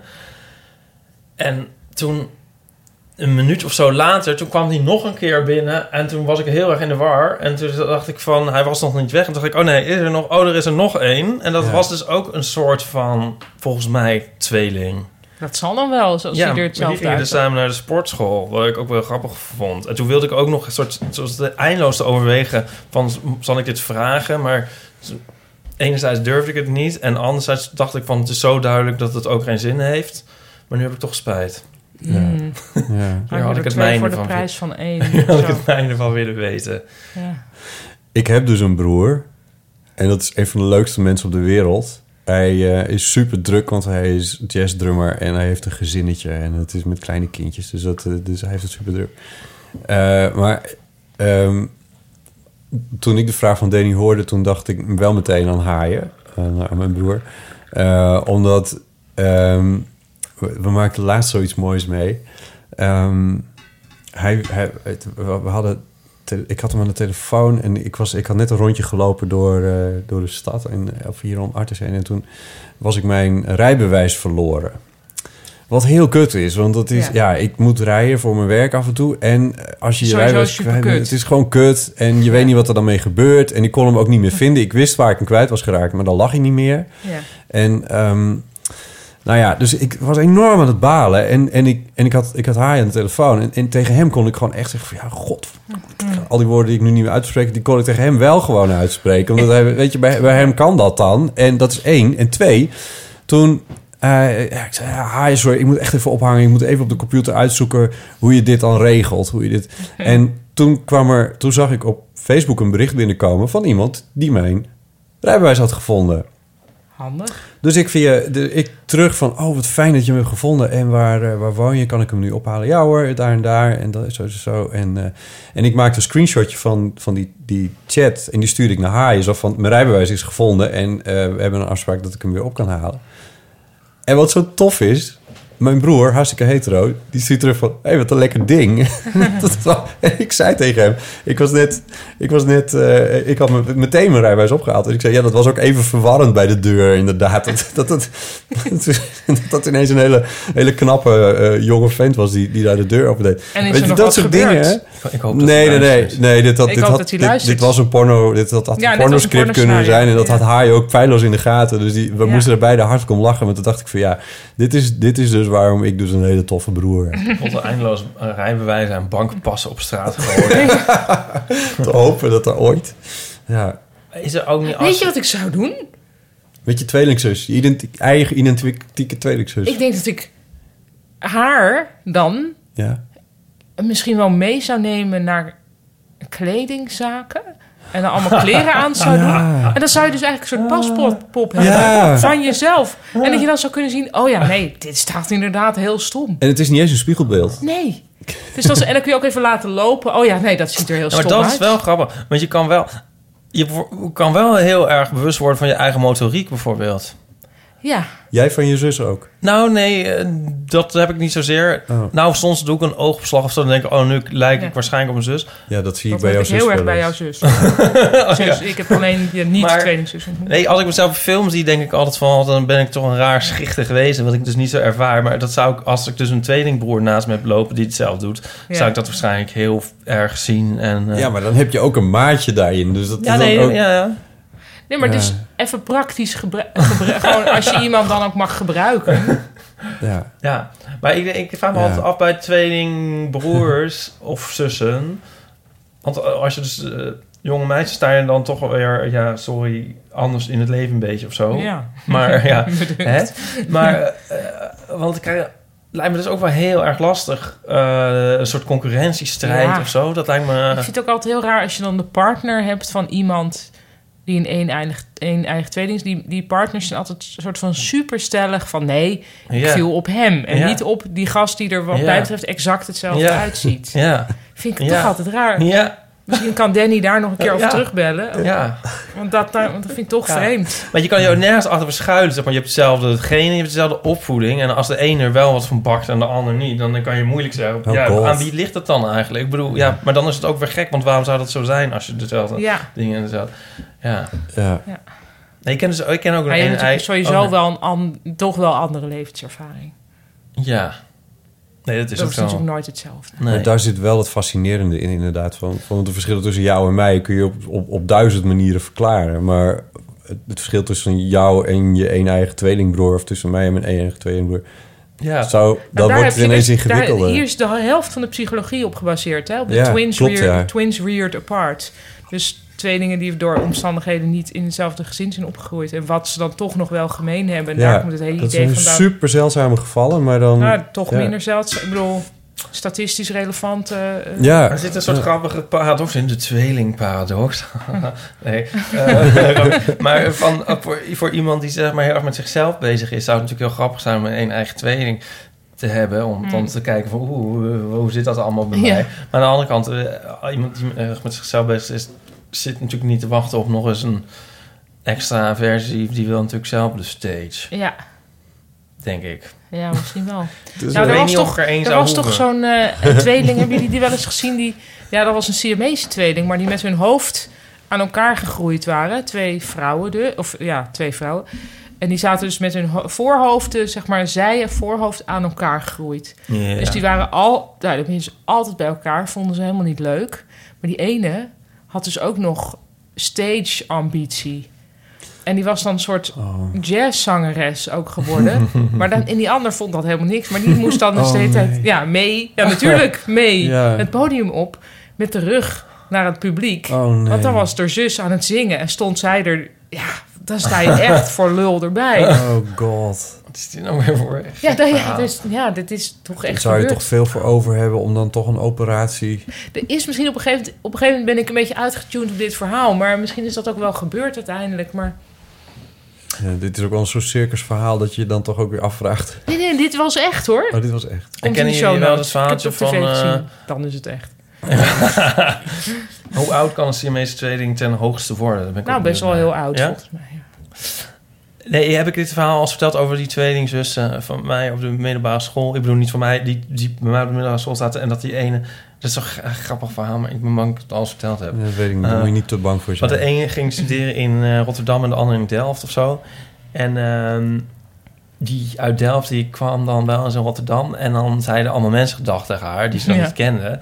En er waren dan mensen die haar voor haar zus aanzagen natuurlijk. En ehm, toen had ze een keer in een baldadig buiten, zei eentje zo eh, iemand gedag. En toen in plaats van eh gedag terug te zeggen, deed ze zo van eh, boe of zo. Lange neus. Ja. En ehm, nou, daar werd dus die, die, die andere dan weer op aangesproken van wat, waar- waarom deed je zo gaar? En ehm, die begreep dan natuurlijk wat er aan de hand was. En die was toen uit wraak Naar Delft. Naar Delft gegaan. gereden. En was er zo voor het huis van die zus een soort gaan rondparaderen en heel erg gestoord gaan doen. Wat gaat dat ver? Ja, dus ik kon heel veel mensen dat zien. Snap je? Oh. Omdat je dan... Ja, Ja, je, hebt, je, Ja. je hebt het Is dat niet grappig? Ja, het is wel Ja. grappig, maar het is ook wel een beetje... een beetje gestoord. Ik hoop wel dat ze er ons bij dan kunnen lachen, laat ik het zo zeggen. Ja. Maar ik vind het zo leuk dat je dus zelf op het, in het moment sta je zelf voor gek. Ja, Maar, maar, je dat, doet het dus... ja, precies. Ja, je Maar dat- staat dus, je hoeft in, po- in potentie niet zelf voor gek te staan. Ja. Zou dat bij alles zijn? Ja. Dus je zou iets kunnen doen. Dus misschien doet Danny wel eens iets. Dat hij denkt, nou, ja, ze denken toch dat het Mick is. Ja. Waar hij behoefte aan heeft Ja. zelf. Ja. Als je niet in dezelfde... Als je niet ook nog bij elkaar in huis woont, zal ik maar zeggen. Dan, gaat het weer niet op. Ik Het moet wel een soort fysieke afstand zijn. En je Ja. kan ook dingen proberen, zeg maar, wat, wat ook op, bij jou op het podium gezegd wordt, of niet? Van dat je je leven leeft alsof je het probeert of zo, maar er is geen nee, dat heb ik niet op dat nou? podium. Dat komt nog Oh. wel eens een keer in de Maar dat komt nog een keer. Oh, moeten we dat nu niet Nee weggeven? joh, al Maar- weet ik niet. Maar nee. goed, ik zit een beetje zo te, te denken van ja, maar dan, dan heb je wel een soort. Je hebt een soort pro- probeer iemand of zo. Ja, Dat klinkt ook heel gek. Ja, nee, Ja. dat zou je natuurlijk bij je broer ook niet doen. Ja, het, is- het raakt ook een beetje aan... ehm maar eh, Wittgenstein is een beetje stoffig. Maar je hebt zeg maar dat privétaal ja. idee. Maar dit is een beetje in wat ik net al zei over mijn zusje. Maar als je volgens mij echt een, een eigen tweeling bent van hetzelfde geslacht... dan kun je volgens mij gaan uitgaan dat heel veel woorden die je gebruikt... precies hetzelfde betekenen. En dan dus ook vooral voor Ja. interne. Dus als je dan zegt, ik heb hoofdpijn... dan... Ik wil, jouw hoofdpijn, dat weet ik niet. Nee. En jouw hoofdpijn. Nee. Maar als ik een, een eigen tweeling word en dan zeg ik, heb hoofdpijn... dan dat je dan, dan precies Oh, ja. weet... Ja. Maar Wat? toch weet je nooit of je dat weet. Nee, maar ik denk, ik denk dat je dat dan wel weet. Ja. Ja, maar is dat echt zo? Nee, maar bijvoorbeeld Tim en Wart Kamps zijn een een eigen tweeling. Maar eh Wart heeft iets... De acteurs. Ja, Ja. Cabaretiers, acteurs, ja. Wart heeft iets, ik weet eigenlijk niet precies... Nou ja, iets lichamelijks waardoor hij net wat kleiner is. Dus die Ja. zullen toch dingen Ja. anders voelen. Ja. ja. Je kan andere... Ja, je hebt toch andere... Fenologisch. Ja. maar die lijken minder, bijna nog minder... Ik ben- Die lijken onwijs op elkaar, hoor. Ja, ja. Dus ja. ze zijn één-eiig. Ja. Ja. Maar dat is... Ze Ja, oké. gedragen zich heel anders, Ja. Vind ik. Ja. Nou, soms ook weer erg hetzelfde. Maar...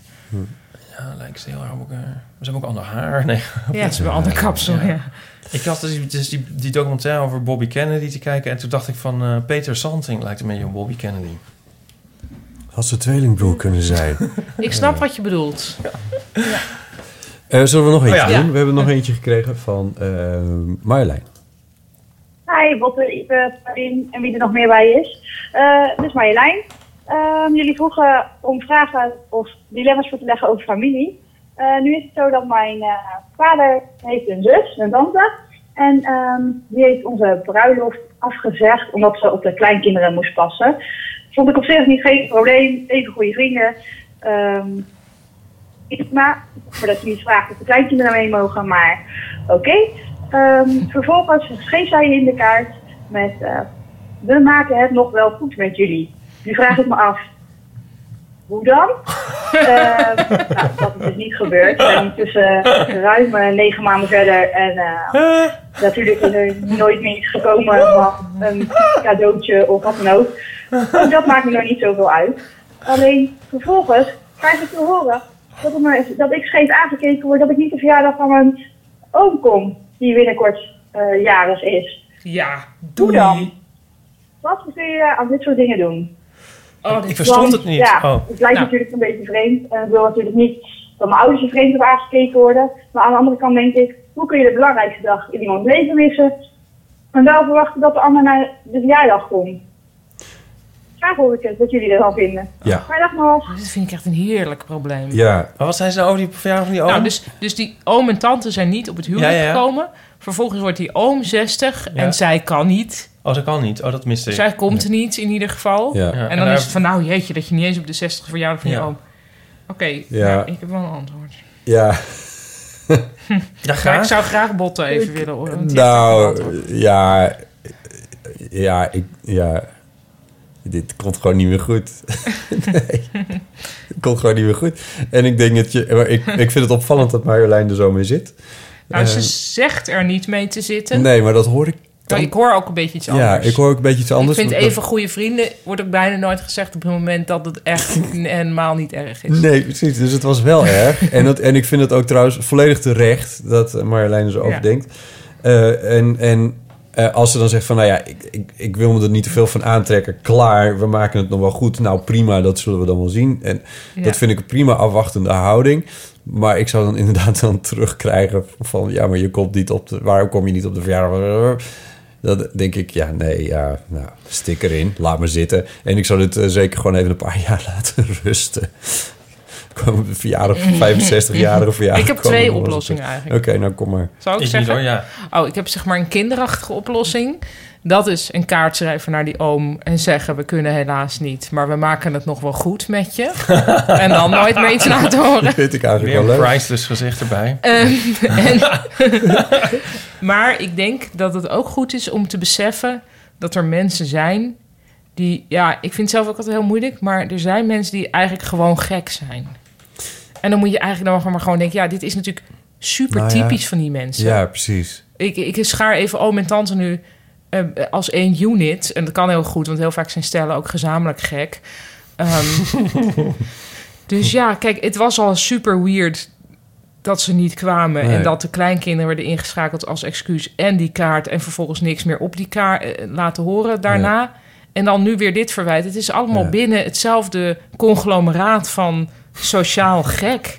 En dan kun je dus maar beter denken, nou ja... ehm, Ja, laat maar. ja. Tenzij dus ook. je eigen ouders heel veel problemen krijgen met die oom en tante. En dan vind ik dat je eigen ouders met een soort oplossing mogen komen. Van oké, wat doen we dan? Kunnen we een boeket bloemen sturen? Moet- Klaar. Ik denk, dan, dan heb ik daar weer twee dingen op te zeggen. Je moet je inderdaad goed realiseren wie hier de eigenaar van het probleem is. Ja. En dat zouden die ouders kunnen zijn, maar volgens mij is Marjolein in ieder geval niet. En eh, het tweede is, ehm, je zoekt familie niet uit. Eh, en vrienden wel. Dus eh, Marjolein, ik zou zeggen, ga lekker, als je naar een feestje gaat, ga dan in godsnaam naar een feestje met je vrienden. En laat, laat die oom... En, laat- en wees blij dat ze niet konden komen op, die, op dat huwelijk. Ja, misschien ook wel. Ja.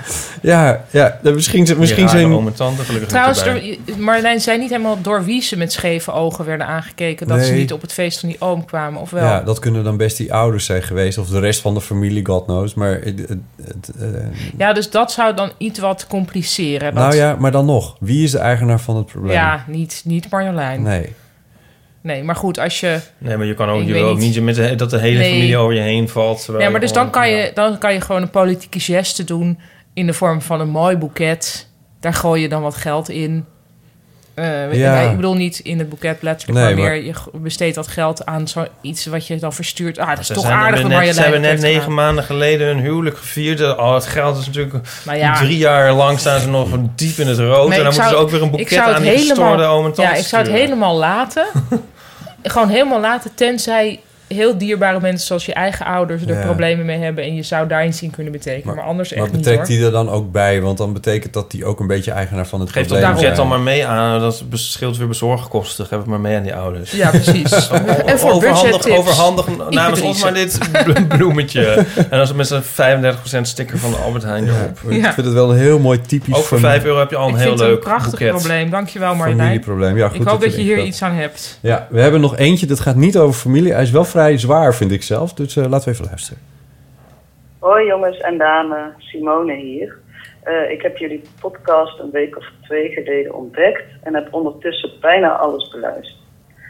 Eh, dat is omdat ik eigenlijk aan mijn scriptie moet werken. Ik studeer filosofie. En schrijf mijn scriptie over een tekst van Levinas. En die gaat over het zijn en dat het zijn als zodanig ondraaglijk is. En ook onmenselijk. En dat het menselijk is om het zijn te transcenderen. En we hebben dus betekenis nodig om het bestaan überhaupt vol te houden. Bij Levinas blijkt het uit zijn laatste werk dat de verantwoordelijkheid voor de ander eh, dus eh, de oplossing daarvoor is. En dat eh, ja, de betekenis geeft uiteindelijk. En ik was benieuwd hoe jullie het leven zin geven. Of anders gezegd, hoe houden jullie het bestaan vol? Of vinden jullie het misschien überhaupt ondraaglijk en houden jullie het helemaal niet vol? Ehm, ja, dat dus. Eh, veel plezier in de aflevering verder. En ik vind het trouwens helemaal niet erg als eh, de afleveringen langer dan twee uur duurt. Voor mij kan het oneindig verder gaan, zodat ik verder kan gaan om, eh, met het uitstellen van mijn scriptie. Oh. Doei. Simone, je moet je Simone. scriptie schrijven. Schrijf je scriptie, je hebt nu de kans. Nou, die komt, er komt nu een paragraaf die je gewoon kunt overnemen over de zin van het leven. We moeten een beetje lachen, Simone. Dat komt omdat, eh, omdat je, jouw, eh, ja, hoe je je vraag bracht, denk ik, Volstrekt in lijn was. ja, in lijn was met van wat heeft het leven eigenlijk voor zin. Maar ik begrijp dat je dus ook in een soort studie eh Ter illustratie. Ipe is nu Ipe de is tranen uit zijn ogen aan het vegen. aan het vegen. Van jeetje, ja. Het is trouwens, het, zijn, het, zijn lach, het is een lach van herkenning. Eh, ja, natuurlijk. Ja, lachen sowieso. Ik mee. vind iedereen die het leven, zeg maar, uh, uh, fluitend, lachend door het leven gaat, die vind ik dus sowieso, die, die mag dus ook niet op mijn huwelijk komen en niet op mijn 60ste verjaardag. die schrijf ik sowieso af. Ja. Maar, eh, maar hoe dan wel? Ja. Ja, want dat is dan de vraag. Ja. Eh, hoe geven jullie het leven zin en hoe houden jullie het bestaan vol of houden jullie het Maar helemaal ik vind zin geven wel iets heel anders dan volhouden. Want nou, destijds mijn scriptiebegeleider Jaap van Heerde... die had een boekje geschreven dat heette... Wees blij dat het leven geen zin heeft. en ehm, ja, daar kan ik me wel achter scharen. Dat vaak Ja. het geluk toch wel ligt in eh, denken van... nou ja, ehm, probeer het leven aangenaam te maken... voor degenen die je dierbaar zijn en voor jezelf... Eh, Misschien is af en toe iets wat je denkt dat goed is, maar echt dat het zin heeft. Nou, nee, toch? Of Nee, wel? iedereen die, eh, die niet gelooft, die, eh, die zal daar zeker... eh, nee, er zijn heel veel mensen die wel die niet geloven en toch vinden dat er zin is. Oh, echt? Tja, Ja. hallo hé. Zin, Ja, toch van dat, dat er dingen, dat er een soort dat er een ziel is en dat je dat er dingen, ik weet niet. Ik heb natuurlijk dus de neiging om de termen in de vraag eh, aan te vallen. Van zin, wat betekent dat? Ja, maar ik denk dat dat mag, want Ja. het, het is een op filosofie gestoelde vraag. Ja, Ja, wat is zin? ja dus dat, dat, daar zit volgens mij het probleem. Het is meer een soort spraakverwarring, denk ik bijna. Hoe ik zin interpreteer van wat is de zin van het leven is alsof er een soort doel zou zijn. Ja, maar is die dan individueel of collectief? Ja, precies. En, eh, eh, Ja. ons eh, gaat Ik interpreteer het individueel eigenlijk. Ja, vind ik collectieve ontzettend, interpretatie. eh, ontzettend. nou, maar Ja, een ik ben nog geen tweeling, hè? Een collectieve interpretatie is al snel een religieuze of een spirituele eh, interpretatie Nou, van of, bijvoorbeeld, of zo, of meer aardeachtig. Van wij, wij zijn ervoor om onze planeet Naar de kloten goed door te te, helpen. te, te geven. En dat doen Ja. we niet. Nee. Zoiets? Ja, ja. Ja, maar dat vind ik dan ook wel bijna individueel... omdat je dan toch meteen aan je nageslacht aan het denken bent. Nou, ik moet ook aan de verlichting denken. Oh. Ehm, omdat ik net een kop koffie op heb. nee, ik weet niet. Ja, eh, nou, je kan ook denken aan... eh, Ja, ik moet ook aan 2001 denken. En ik heb allemaal es- eschatologische visioenen... over de hergeboorte van de mens als een kosmische embryo. Maar ehm, ik bedoel, daar kan je, die richting kan je ook uitdenken... bij de zin Mhm. van het leven, wil ik maar zeggen. En dan, dan moet wel iedereen zijn best doen. Maar we weten dus eigenlijk niet wat haar inspiratiebron, de filosoof Nas, als ik het goed... Levinas? Levinas, ik ken hem niet, maar... Levinas, eh Emmanuel Levinas, ik heb het opgezocht hoor. Dit soort shit weet ik ook niet uit mijn hoofd. Maar het was een Frans filo- filosoof, een Frans-Joodse filosoof van Litouwse afkomst. Emmanuel oh, nou, Levinas. that explains a lot. Nou, Nee, eh, die- eh, nee, helemaal niet. Nou ja, Paul Grons denk je meteen aan of zo. Maar goed, Ja. het- maar anyway. ehm, over zin in het leven. Eh, ja, probeer anderen niet te veel pijn te doen of zo. Dat is een soort... Of de dieren. Of de dieren. Maar, eh, en Nou, die de gelden dan onder jouw gevoel toch als anderen? Oh, De- nou de ja, dieren. goed. Ja, dus probeer anderen geen pijn, pijn te doen. En zegt Ipe Ja. of de dieren. Ik zou zeggen dat de dieren, En de dieren. al inclusief de, in de anderen zitten. Ja, misschien wel. Ja, dat vind ik ook. Ja. Ja. Ehm, ja, maar eh, ja, nee, ik, ik, ik zelf op... Ik geloof ook niet per se dat het leven zo nou zoveel zin heeft. Maar dat betekent nog niet dat het daarmee ook zinloos is of zo. Eh, omdat ik toch hoop dat, het, dat ik het zelf een beetje leuk heb. En ja, dat en ik hoop volgens dat, mij is haar vraag eigenlijk van hoe hebben wij zin in het leven? Ja, Dus niet wat voor leven heeft... Hoe, wat, wat is de zin van het leven, maar meer hoe heb je zin in het leven? ja, ja, ja want dat is, dat is dan het tweede deel van haar vraag van hoe hou je het bestaan vol. Dat, is, Ja. dat formuleerde ze op die manier. Ehm, nou ja, ik, ik heb bijvoorbeeld wel een paar vrij drastische keuzes gemaakt ten opzichte van het pad wat eigenlijk voor me uitgelegd lag. Het Eh, pad van de Heer Jezus. Het pad van de Heer Jezus, het pad van Friesland en het pad van, eh, van een eh, bestaan als, als boer. oh ja. Ehm, maar eh, dus ik, ik heb denk ik wel aardig vorm gegeven. Ja. Ehm, en ik hoop dat ik daar zelf wat aan heb. En ik hoop dat anderen om mij heen er wat aan hebben. En ik maak een podcast en dat vind ik heel erg leuk om te doen. En ik heb jullie één keer in zoveel tijd aan de tafel en dat vind ik heel erg leuk. Dus eh, zo hou ik het bestaan vol. Ja. ja. Ja, Ik heb ook heel veel leuke dingen waardoor... Ja, dat het, is een beetje, het klinkt een beetje simpel, maar door leuke dingen. Ja, maar ik denk dat het toch ook simpel is. En door mooie dingen en lieve mensen. Ja. En toch vraag ik me af of die dingen niet eh, eh, samen kunnen vallen en ehm, eh, dat, dat dat ook is dat toch niet één vraag? De zin van het leven is zin in het leven, dat het dat is. dat staat wel eens op theekopjes of zo, geloof ik. Ja. Had een theezakje kunnen zijn. Theezakjes, ja. Ja, wat niet per, wat niet meteen wil zeggen dat het niet waar is, hè? Maar ehm, nee, kan, kan- kan je niet in een eh, soort. ehm, ik moet eigenlijk aan een soort natuurbeleving denken, maar dat klinkt wel weer een soort van sect. Bizar misschien, maar dat je dus soms een moment van geluk kan ervaren waarbij je een soort je deel uit voelt maken van iets groters. Ik Mhm. kan het soms hebben in Ja. met de natuur. Ja. En, en Hier dat hebben daar- een woord voor. Zeg ik er even tussendoor. Oké, maar goed. Ja. Oh ja, misschien zei je dat ook wel. Uh, oh, heb je dat niet verteld? Nou, Nee, denk ik niet. Nee? Oh. En dat dus je dan het gevoel hebt dat er een soort zin in de niet zo nauw omschreven, gedefinieerde zin van het woord bestaat. En dat dat dan ook weer het leven een soort draaglijk maakt. Dus in die, dat, dat, Dus die een soort eenheid met het universum. Ja. of zo. Van wij, wij maken allemaal deel van iets uit. En dat is Kan eigenlijk... wel, ja, of, of misschien juist wel niet wij allemaal, maar ik dan op zo'n Ja. moment. Ja. Heb je dat nooit? En zo, of Jawel. als je naar de sterren kijkt. Als je op een, op een mild warme dag op, met je, op, op, op, op de rug, op je rug in het zand op het strand ligt of zo. Ja, ik zeg een je, maar eerste persoon. Ik heb dat, dat is zo'n moment dat ik me herinner dat ik dan denk van, ah ja, maar Het is dit, allemaal dit wel klopt qua leven. Ja. Ja, die- Maar dat- in ja. de bergen. Maar die, die Ja. twee soort, soort, soort toch wat vragen, dat bedoel ik niet als kritiek vragen, die kunnen dus soms toch een soort samenkomen en eh, op een soort intuïtieve manier. Ik weet niet dat ik dit allemaal zeg. Ik snap wel wat je bedoelt, geloof ik. Ja. Ja. Ja. Interessant. Nou, daar heeft ze toch alweer een alinea dan. Ja, of misschien wel, een, een nawoord van... Het bleek dat is de vragen eigenlijk toch samenkwamen. Want wat ik nog wel eens denk is dat ik mijn leven dus helemaal niet inricht op dat soort momenten.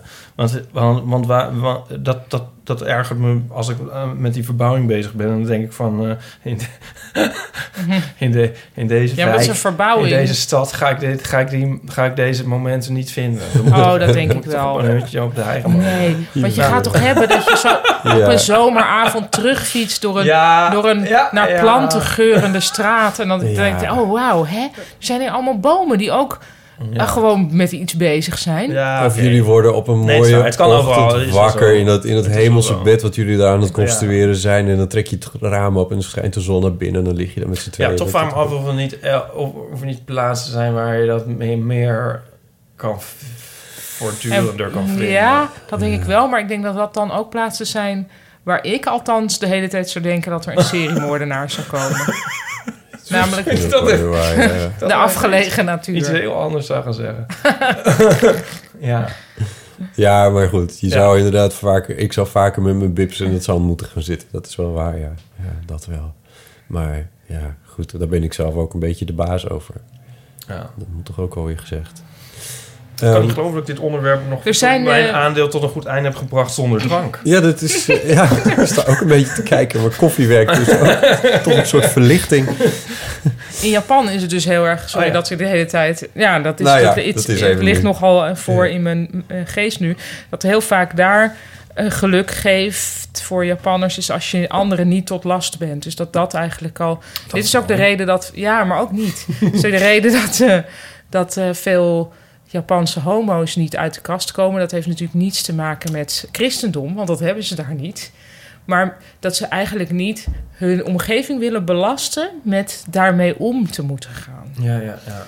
Vind ik dus super treurig. Ja. Waarvan, ja, wat, nou, wat, doe je, wat doe je omgeving? Want die moeten dan weer gaan, die moeten dan weer daarover gaan praten. Dus het Ja. is een soort, Ja. ja, een soort van. Ik moest denken aan de mini eh, awkward coming out of de awkward mini, Mini coming out, out, maar ja. dan het is keer duizend en helemaal niet mini en Ja. en dan een soort geïnternaliseerde. Ja. ja, Nou, toen ik uit de kast kwam, toen was er nog enige discussie... volgens mij binnen ons gezin. we hebben het nu over het jaar. Eh, even kijken, oh, oh, zeg maar, rond de 1882. tijd van Mozart. Dus het is niet zo heel lang Was er ook koffie in Europa of niet? Maar, eh, Discussie binnen het gezin, ja. oh, mijn oma was al ontzettend oud. Van moet je het Eh, haar nog al, vertellen zeg of niet? Al ouder dan Bernard Haitink nu. en nou, niet of ik het moest vertellen, maar of mijn vader het dan mm, zou vertellen. Zeg maar, of, of, en was het een beetje zo van, ja, moeten we, moeten we die daar nog mee lastig vallen? Ja. En hoe voelde dat? Ik dacht echt zo van... eh, voor mij hoefde dat niet. Maar to- toen... Ja, eh, ik zeg het allemaal maar weer heel bot. Ik hoop Ja. maar weer dat niemand luistert. Maar toen later dacht ik wel van... Ja, als je, als je haar nog een soort serieus neemt of zo... dan moet je het natuurlijk wel zeggen eigenlijk bij nader inzien. Nou, plus jij leeft natuurlijk nog een stuk langer dan die oma. Ja. Dus het feit dat er überhaupt wordt gepraat over... moeten we haar daarmee lastigvallen... zegt toch al iets over... Ik bedoel, Nee, dat lastig was stond tussen aanhalingstekens nu. ja, dat snap ik wel. En je hebt natuurlijk ook super lieve ouders. Maar in feite zou natuurlijk ieder... Zou het, het zou natuurlijk niemand die het lastig vindt... nee, moet, ja. zou kunnen vinden... moet ter wille zijn. Die moet niet enabled worden, toch? Nee. Als je, stel, er komt nu iemand uit de kast in jouw omgeving... dan zou je toch nooit willen dat mensen zouden zeggen... oh, nou ja, laten we die en die er maar niet mee lastigvallen. Nee, maar ik snap het wel uit een soort non-confrontationele houding van... eh, Non-confrontationeel. ja, maar dus als nu dan een jongen van 16 of zo... in jouw omgeving van... nou, eh, ik ben homo, nou, gefeliciteerd. Ehm, en dan, als er dan wordt gezegd van... ja, maar goed, laten we het maar niet... Moet zeggen heel tegen lastig. Nico, maar, maar, niet, maar niet tegen Ipe, die is al zo oud. ja. Dat is Ja, dan toch is voor die jongen erg... die misschien nog helemaal niet wist dat het lastig was. Oh, zo. Ja, Ja, oh, dat bedoel je natuurlijk. Dat bedoel ja, ik, ja. dat is ook wel logisch, ja. Ja, maar dat, dat, ja, ik ervaarde dat niet zo erg. Toen zo, eigenlijk. nee. Nee. Ik weet ook niet waarom ik dit En heeft ze, heeft ze te horen gekregen? Ja, volgens mij wel, maar het is allemaal een beetje weggezakt. Hoe Misschien dat dan? mijn Misschien je zus... Externe harde schijf, Ja, mooi. We hebben het er hier wel nooit over gehad. Het is niet, zo, het is niet weer terug bij mij gekomen. Maar ik ken ook iemand die moest... Die, die zei, toen zeiden ze ouders van... Oh, jij moet je het zelf maar gaan vertellen aan de hele familie. En die werd echt op een soort rondje door het hele land gestuurd. God. Dat was verschrikkelijk. Dat vinden ze nu heel erg achteraf. Hè? Die moest gewoon op een soort tour... Een soort Ja. bevrijdingsdag concerten. Ja. Met een helikopter. Ja, ja. Nu moet je naar Emmeloord. Ja. Is het ook wat, hè? Die hele. Oh god. Mijn neef, die was... eh, mijn oma, die was eh, heel erg dol op, eh, op mijn neef. En eh, toen, toen kwam mijn neef uit de kast. En mijn oma, nou, ja goed, dat is realiteit. Maar vond het toch een beetje jammer. En die probeerde dan af en toe nog iets zo van... Maar is dat meisje dan toch niet heel leuk? Oh, en, ja. en toen zei mijn, mijn neef op een gegeven moment heel hard uitgeroepen... Oma, als ik me aftrek, denk ik aan een lul. En, eh, en toen eh, was... eh, ja, toen moest mijn oma dus acteren tegelijkertijd van... Hè, gatje darry, maar ook van... nou, ik begrijp niet eens wat het is. Dus ja, waren dus twee, twee termen in één zin... die absoluut niet... Niet met elkaar stroken. Nou, die ook helemaal niet hoezo Nee. aftrekken. Ja, Eh, nee. ja. Ik weet niet wat het is, hoor. ja. ja, dat was heel goed. Ja, dat was, een eh, ja, dat was wel een goeie. Ja, dat was En zij, mijn oma was ook heel leuk. Ik bedoel, die, die, ja, die snapt dat dan. die probeerde gewoon nog eens wat. Ja, Maar dat, eh, ja. mijn neef was vrij duidelijk daarin. En schaamtevrij. Ik denk dat toch zeker de helft van de gevallen coming out gewoon een totaal traumatische gebeurtenis is. En ik moet, je moet het niet zeggen, want het it's getting better en alles. En mensen moeten uit de kast komen en anders. Maar, maar toch hoor. Nou, ik hoorde laatst...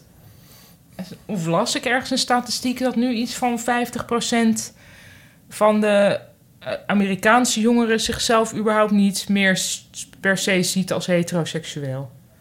Gewoon van, hoezo... Nou, dat lijkt me een heel erg sociaal Ja. wenselijk antwoord geven op dat soort vragen. Nou ja, sociaal wenselijk. Ze zijn, denk ik, hetero. Ja, maar ja, Nou ja, je weet niet wat voor soort onderzoek. Ik had hier ook weer Nee. meteen een bronvermelding mee. Ik kom later nog wel met een bronvermelding. Show notes. ja. Eh, we mogen weer een koptelefoon weggeven aan de leukste eeuwofoon. Dus nee, we, zijn nog niet klaar hoor, maar we hebben, de drie, we hebben drie eeuwofoonberichten gehad en dat zijn ze. Deze keer. Ja, er dus was er nog hadden- eentje, maar dat komt zo. We hadden Danny, we hadden Danny, Marjolein. Simone en Marjolein. Eh, we hadden Danny over de tweeling, broer. We hadden Simone over de scriptie filosofie. Ja, en we hadden Marjolein over over het huwelijk en een ongelooflijk- 60-jarige ja, verjaardag. Ja, precies. En dan één van deze drie mogen wij van Storytel, van de audioboeken, eh sponsormomentje, eh, mogen wij een, een Urban Ears koptelefoon weggeven. Eh, en dat doen we iedere keer aan de brief of, of de, de eeuwofoonbericht, ik moet het goed zeggen. De eeuwofoonbericht waar wij eh, van denken, dat, was, dat vonden we eigenlijk wel echt tof. Ik vond ze alle drie supergoed Ja, trouwens. dus het is een duivels dilemma weer. Ja. Ik heb wel een voorkeur. Spreek ik hem uit. heb ook wel een voorkeur. Of heb ik de vorige keer ook al mijn zin Spreek hem uit. Ah, maakt jou uit. Spreek hem uit. Voor, voor eh, Simone natuurlijk. Simone, de filosofie Ja. Oh, ik had, eh, ik had een lichte voorkeur voor Marjolein. Omdat ik eh, ook wil stimuleren dat mensen met ook dit soort praktische Oh, ja. levenservaring vragen zich ook tot ons eh, wenden. Maar dat is- Ja, daar kunnen we misschien wel meer Dus mee. dat ik echt dacht van ja, je- en dan zou ze ook de koptelefoon kunnen verkopen en van het geld dan dat boeket naar die oom sturen waar ze volgens jou geen Hoe kunnen we nu nog heeft. nee zeggen? Nee, ja, ik weet niet, wat, waar ging jouw voorkeur naar uit? Eh, Danny. Naar Danny? Nee. Oh. Ja, jawel, ik vond die van Danny heel erg leuk. Maar ehm, ik kon, ik kon niet... wel ik- in het openbaar ik- ja, dat doen we wel. En ik vind het... eh, ik, ik, ik, eh, we, doen het als volgt. We geven zowel Simone als Marjolein. Zo. Maar dan is eigenlijk Danny niet. En dan Danny, dan Danny sorry, maar, Maar Danny, Danny maar is wel. al een tweeling. Super bedankt, maar je hebt Ja. al een tweelingbroer. Dus eh, dat Ja, is dan jij bent al eigenlijk nooit alleen. Eigenlijk al opgelost. Ehm, dus ehm, Marjolein en Simone, stuur eventjes jullie adres naar ons toe. Dat kan per sms via 06 1990 68 71 of via de, via de mail naar botten@eeuw. Nee. Nee, ja, wel. Botten@eeuw van de amateur.nl. Botten@eeuwvandeamateur.nl. Dat is het e-mailadres Oh, waar je stuur, je stuur je adres naartoe. Nu, je bent een eh, chocolaatje aan het eten. Ja. Ja, waarom heb je er spijt van? Doe niks voor me. Nou, dat maken wij wel uit. Ehm, we gaan verder met eh post eh, eh, dingen. Poststukken.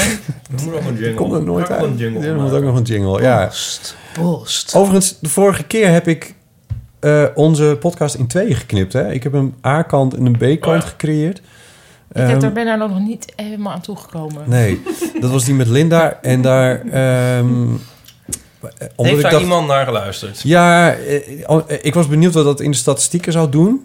Ehm, Nou, bitcoin-achtige tafereelen. het, Nee? Zegt hij op de dag dat de bitcoin is ingestort. Ja, dat bedoel Het- ik. ja, is de dat- bitcoin vandaag De ingestort? bitcoin is vandaag ingestort. Ja, dat was een of andere eh, fraudepraktijk in een Aziatisch land. God, ik heb alleen de kop gelezen. Maar, en daardoor Echt? heeft iedereen de bitcoin verkocht. En nu is Oh. hij onderuit gegaan. Ja. Dus nu kopen.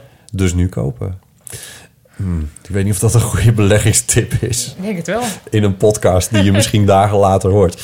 Ehm, Oh ja. ehm, wat wou ik nou zeggen? Oh ja, ik heb hem dus in tweeën geknipt. Wat zoek je, Ieper? Dat biertje. Ja. Oh, toch?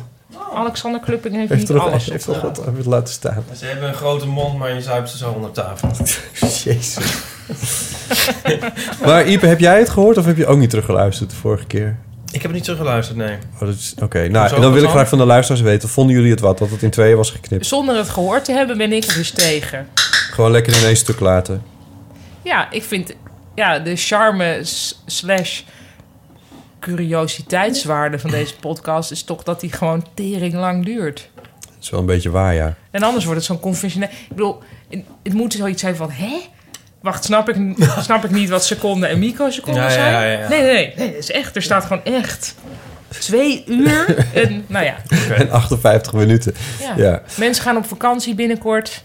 ja precies. Nee, het, ja, het was een experimentje, toch? Het was een experiment, ja. ja, Ja. Maar wat deed het voor de statistiek? Nou, voor de statistieken deed het nog niet echt iets heel erg bijzonders of zo. Het was wel zo dat, er meer, dat we meer beluisteringen hadden daardoor. Want mensen, we hadden natuurlijk twee downloads voor één aflevering. Mhm. Eh, dus dat telde wel een beetje aan. Het is een maar beetje alsof je CD single 1 en CD maar single wil 2 het, hebt. het interessante is het verschil in aantallen tussen deel 1 en deel 2. Ja, dat was er wel. Er waren wel meer mensen die naar deel 1 aan het luisteren Daarom. waren dan naar deel 2. Daarom. Eh, terwijl de doorbeluistering over het algemeen van de hele delen wel heel goed is. Maar misschien omdat mensen ook al slapen. Ja, Ik bedoel, not to rain on nee, your parade, maar Ja, dat deed je wel. er zijn mensen die dit gebruiken om te slapen. Ja. dat- Oh, je dat bedoelt die ook- doorbeluisteringen zijn goed omdat ze gewoon... eh, Je slaapt voor alle tijden. dus. Nu Wakker geen- worden! Hallo! Geen uitschieters meer, AUB. We de post? Ja, we doen de post. Is er straks nog tijd voor een cultuurtip waar niemand op zit te wachten? Ja hoor, Ja, zeker. Ik weet ja. al wat je cultuurtip gaat Wat dan? Ik denk Hereditary. Ja, hoe weet je dat? Nou, Laten we het nu nog even doen. Oh, Hereditary. Dat is de film. Ja. Oh, daar zou ik heen gaan. Heb ik dat verteld? Je Ik bent zag toch een geweest? foto van je op Instagram. Oh, ja. En toen dacht ik, oh ja, het is een enge film. Ja. Vindt hij natuurlijk supergoed. Ja. En nou heb ik het dus weer zo'n... De, de, er is een hype bij mensen, Hereditary. En ehm, dan is de vraag van, is het de hype waard? En dan zit iedereen weer zo van... Oh, nou ja, het is wel een goede film, maar het is niet de hype waard. Dan kan ik zo kwaad om worden. Trek je niks mensen van? Oh, nee, maar ik weet er meer van en zo. En nee, voor mij is, dat, is niks goed genoeg en zo. En Oké. nee, Hitchcock, dat was pas een filmmaker. Het is wel de hype waard. Het is echt zo'n waanzinnig goede film. Why? Hij is echt heel eng. En, maar op een heel... Ja, dat is voor mij Nee, geen kwaliteit, maar ga verder. Ja, jij moet niet gaan. Ehm, maar hij is heel eng op een heel lekkere manier. En hij zit dus heel lekker in je kop. Ik blijf er de hele tijd er maar aan denken van... Het is, gaat hij over ongeveer? Nee, de volgende keer krijg je zender, want dit is niet te doen als je op de bank gaat zitten om een Ehm, koekje te eten. ja, waar gaat hij over? Over een eh, gezin. Wat is dit voor podcast? Mensen lopen gewoon weg. Ik zelf om te beginnen. God, oh, Ipe. weer. Ja, Ja, nou dat weten de mensen zelf waar die over gaat. Tenminste, het is een... eh, het, is een ehm, het begint met de dood van een, eh, van een eh, oma eigenlijk. Het is met Tony Collette. Oh, cool. Ja, en die speelt een moeder. En ehm, haar moeder is net overleden. En zij heeft twee kinderen en een man. En ehm, door de dood van die moeder ja, gaan er gebeurtenissen worden in gang gezet. En het is eigenlijk jammer om er eigenlijk maar ook maar iets over te vertellen. Behalve dan dat, je, dat hij echt gewoon helemaal, helemaal het einde is. als film is hij gewoon heel erg ja, goed. en ik, eh, Oh, cool. Nou, Ja. ik ga er niet heen, want ik kan er niet aan. Maar Nee. wel gaaf nee, dat het gaaf ik kom is. altijd maar met een soort horror Ja. tips. En ik denk dat het waarschijnlijk onderrol te luisteren. jij Er is ziet één relatief, iemand dat jij ook ziet leuk relatief veel films. Dus dat is, was, eh, de- gisteren werd mij The Death of Stalin aangeraden. Ja. Oh ja, Dat van Armando. Iannucci. Ja. Wat is er mee? Nou, of je hem gezien hebt. Ja. Is het een goede film? Mwah. Of is het te cerebraal? Dat vermoed ik. Nou, i- ja, het gekke was dat ik het bijna niet als comedy zag, maar gewoon als een, eh, Historische documentaire. als een historische film. Zo. En het heeft wel mijn belangstelling. Ja. Ik vond het wel aardig, maar ik vond het niet super geestig eigenlijk. Dus het is meer een soort heel vreemde... Voor, voor mij vond ik het een soort heel vreemde historische film. Met zeg maar raar, rare typetjes. Ja. Maar het, het grappige is dat hij bijvoorbeeld wel... In, hoe die in beeld is gebracht heel... Want ik had ook die film had je laatst met Churchill. Ja. En Oh, het is dus niet zeg maar dat... Het is niet soort ook... Er zit ook bijvoorbeeld echt geweld in of zo. En het is niet heel lolbroekerig. Het is een soort comedy, maar niet... Ik vond het niet super grappig. En wel een soort de rest alles omheen vrij realistisch. En dat is dus een beetje een vreemde mismatch of zo. Maar, maar al met al wel leuk. Oké. Ja, dat is echt een anti-tip. Dat is niet echt een tip, nee. Nou ja, hij draait ook al niet Ik meer. ben- nee, Oh, oh. Hij is volgens mij een Hè? beetje geflopt. Oh. Ja, dat Ja. zal wel, ja. Ja, de- de- of had ik hier de vorige, had ik het dan hier de vorige keer over dat die, die, die A- Apocalypse serie op, een- op Netflix. Had ik het daar nou over? Dat ik dat zo vreselijk vond, die, eh, die, eh, die, die Tweede Wereldoorlog. Nee, nee, had ik het niet over. Nee. Zo, nee, die- het is een soort, dat is een serie op Netflix.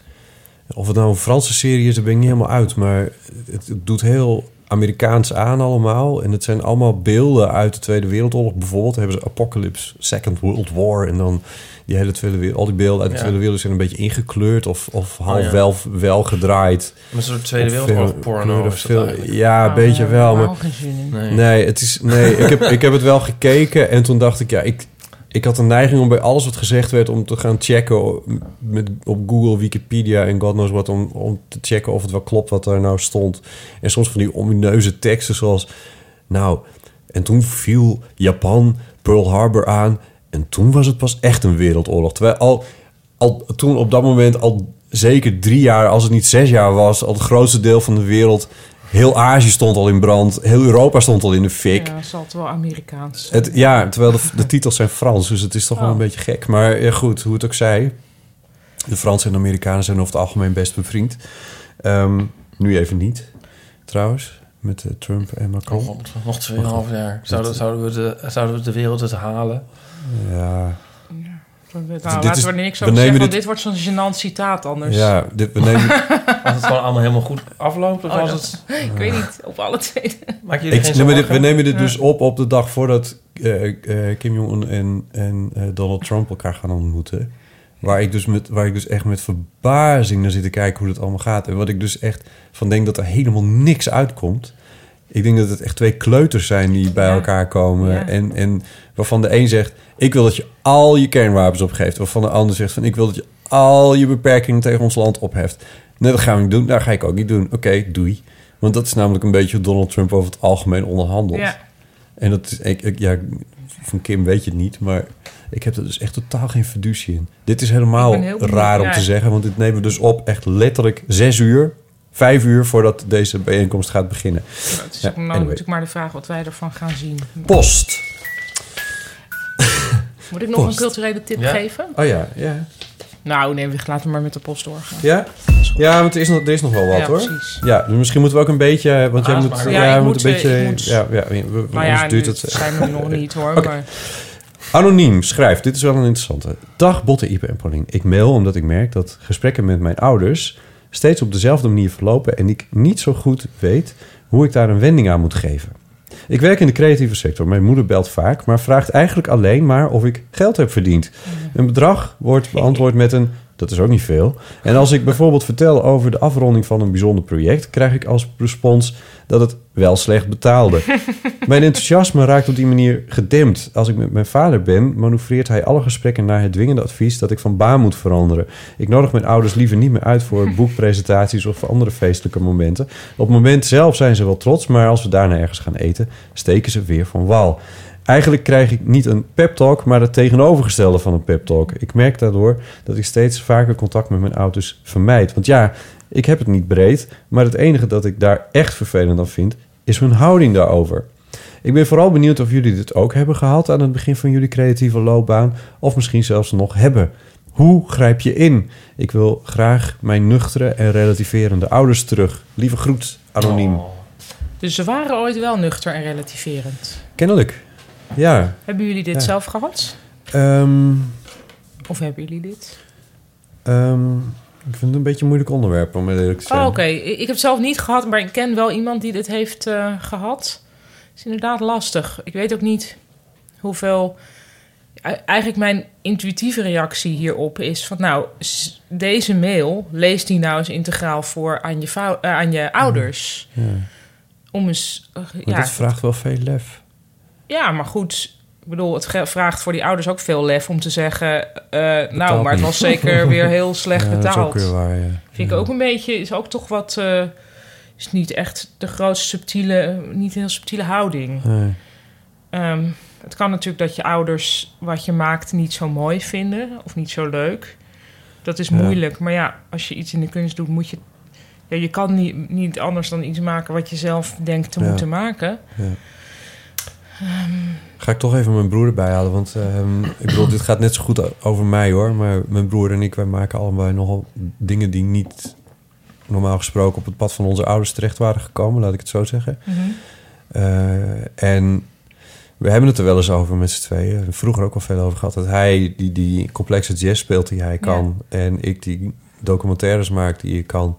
En eh, dat, ja, dat dat niet echt aan onze ouders is besteed. Dat Nee. Proberen ze met alle liefde die ze hebben te volgen. Maar, en, maar, maar ja, dat is, dat is niet echt aan ze besteed, zo gezegd.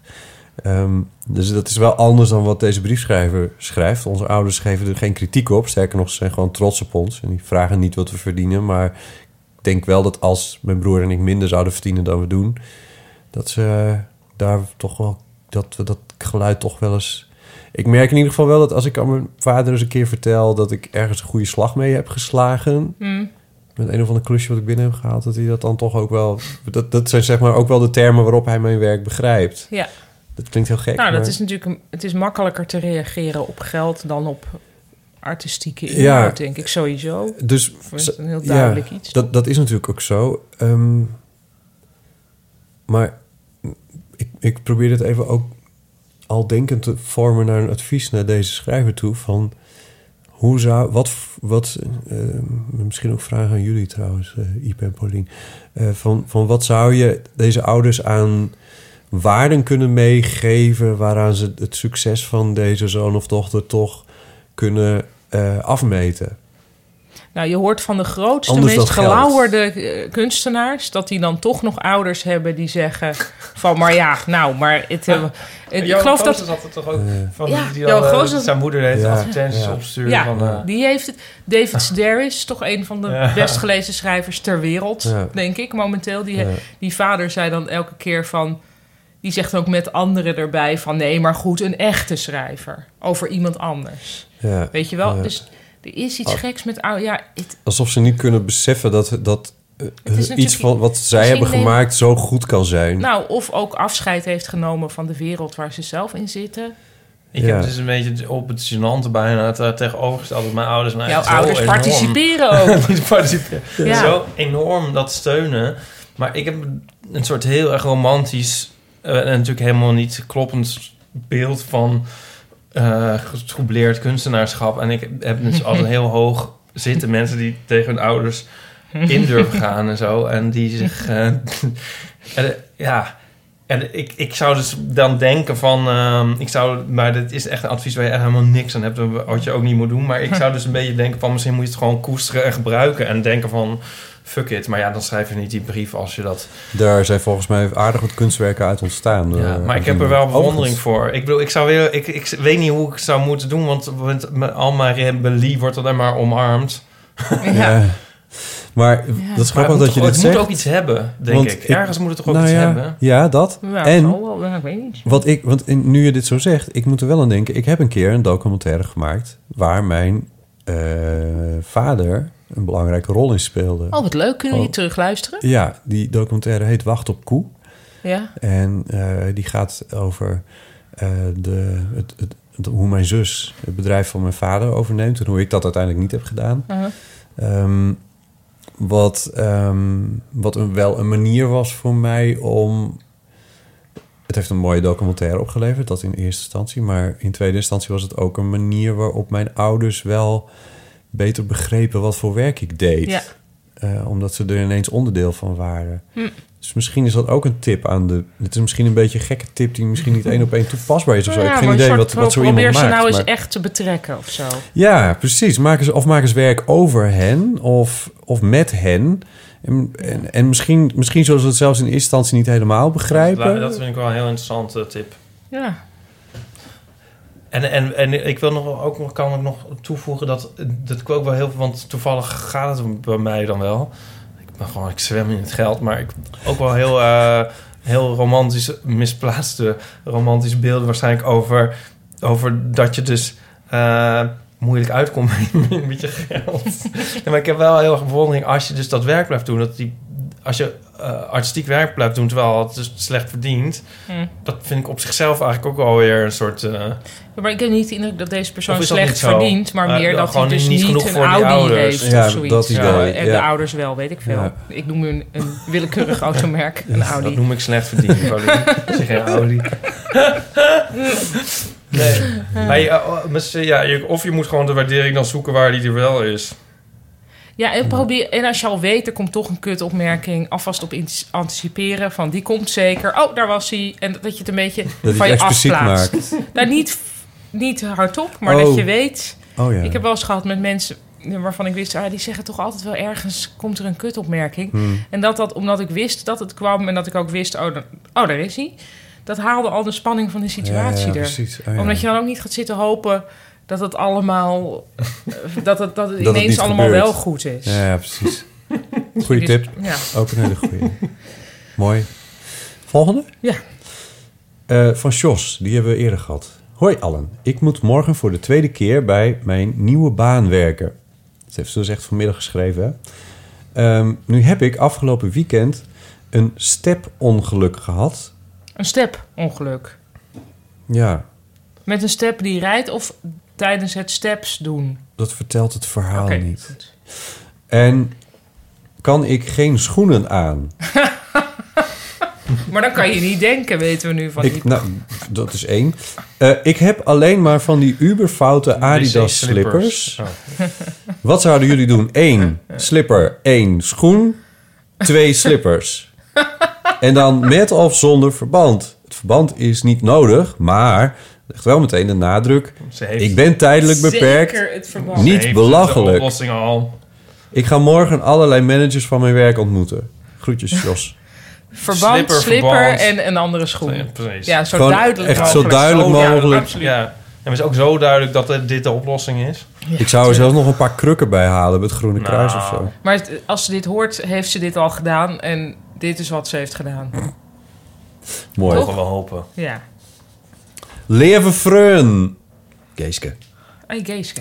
Ik had al een, dacht ik, leuke vraag ingesproken op de Eeuwofoon, maar deze is verwijderd. Oh, daar. In verband met het overgaan Juist naar een die nieuwe van provider. Geeske. Oh, juist.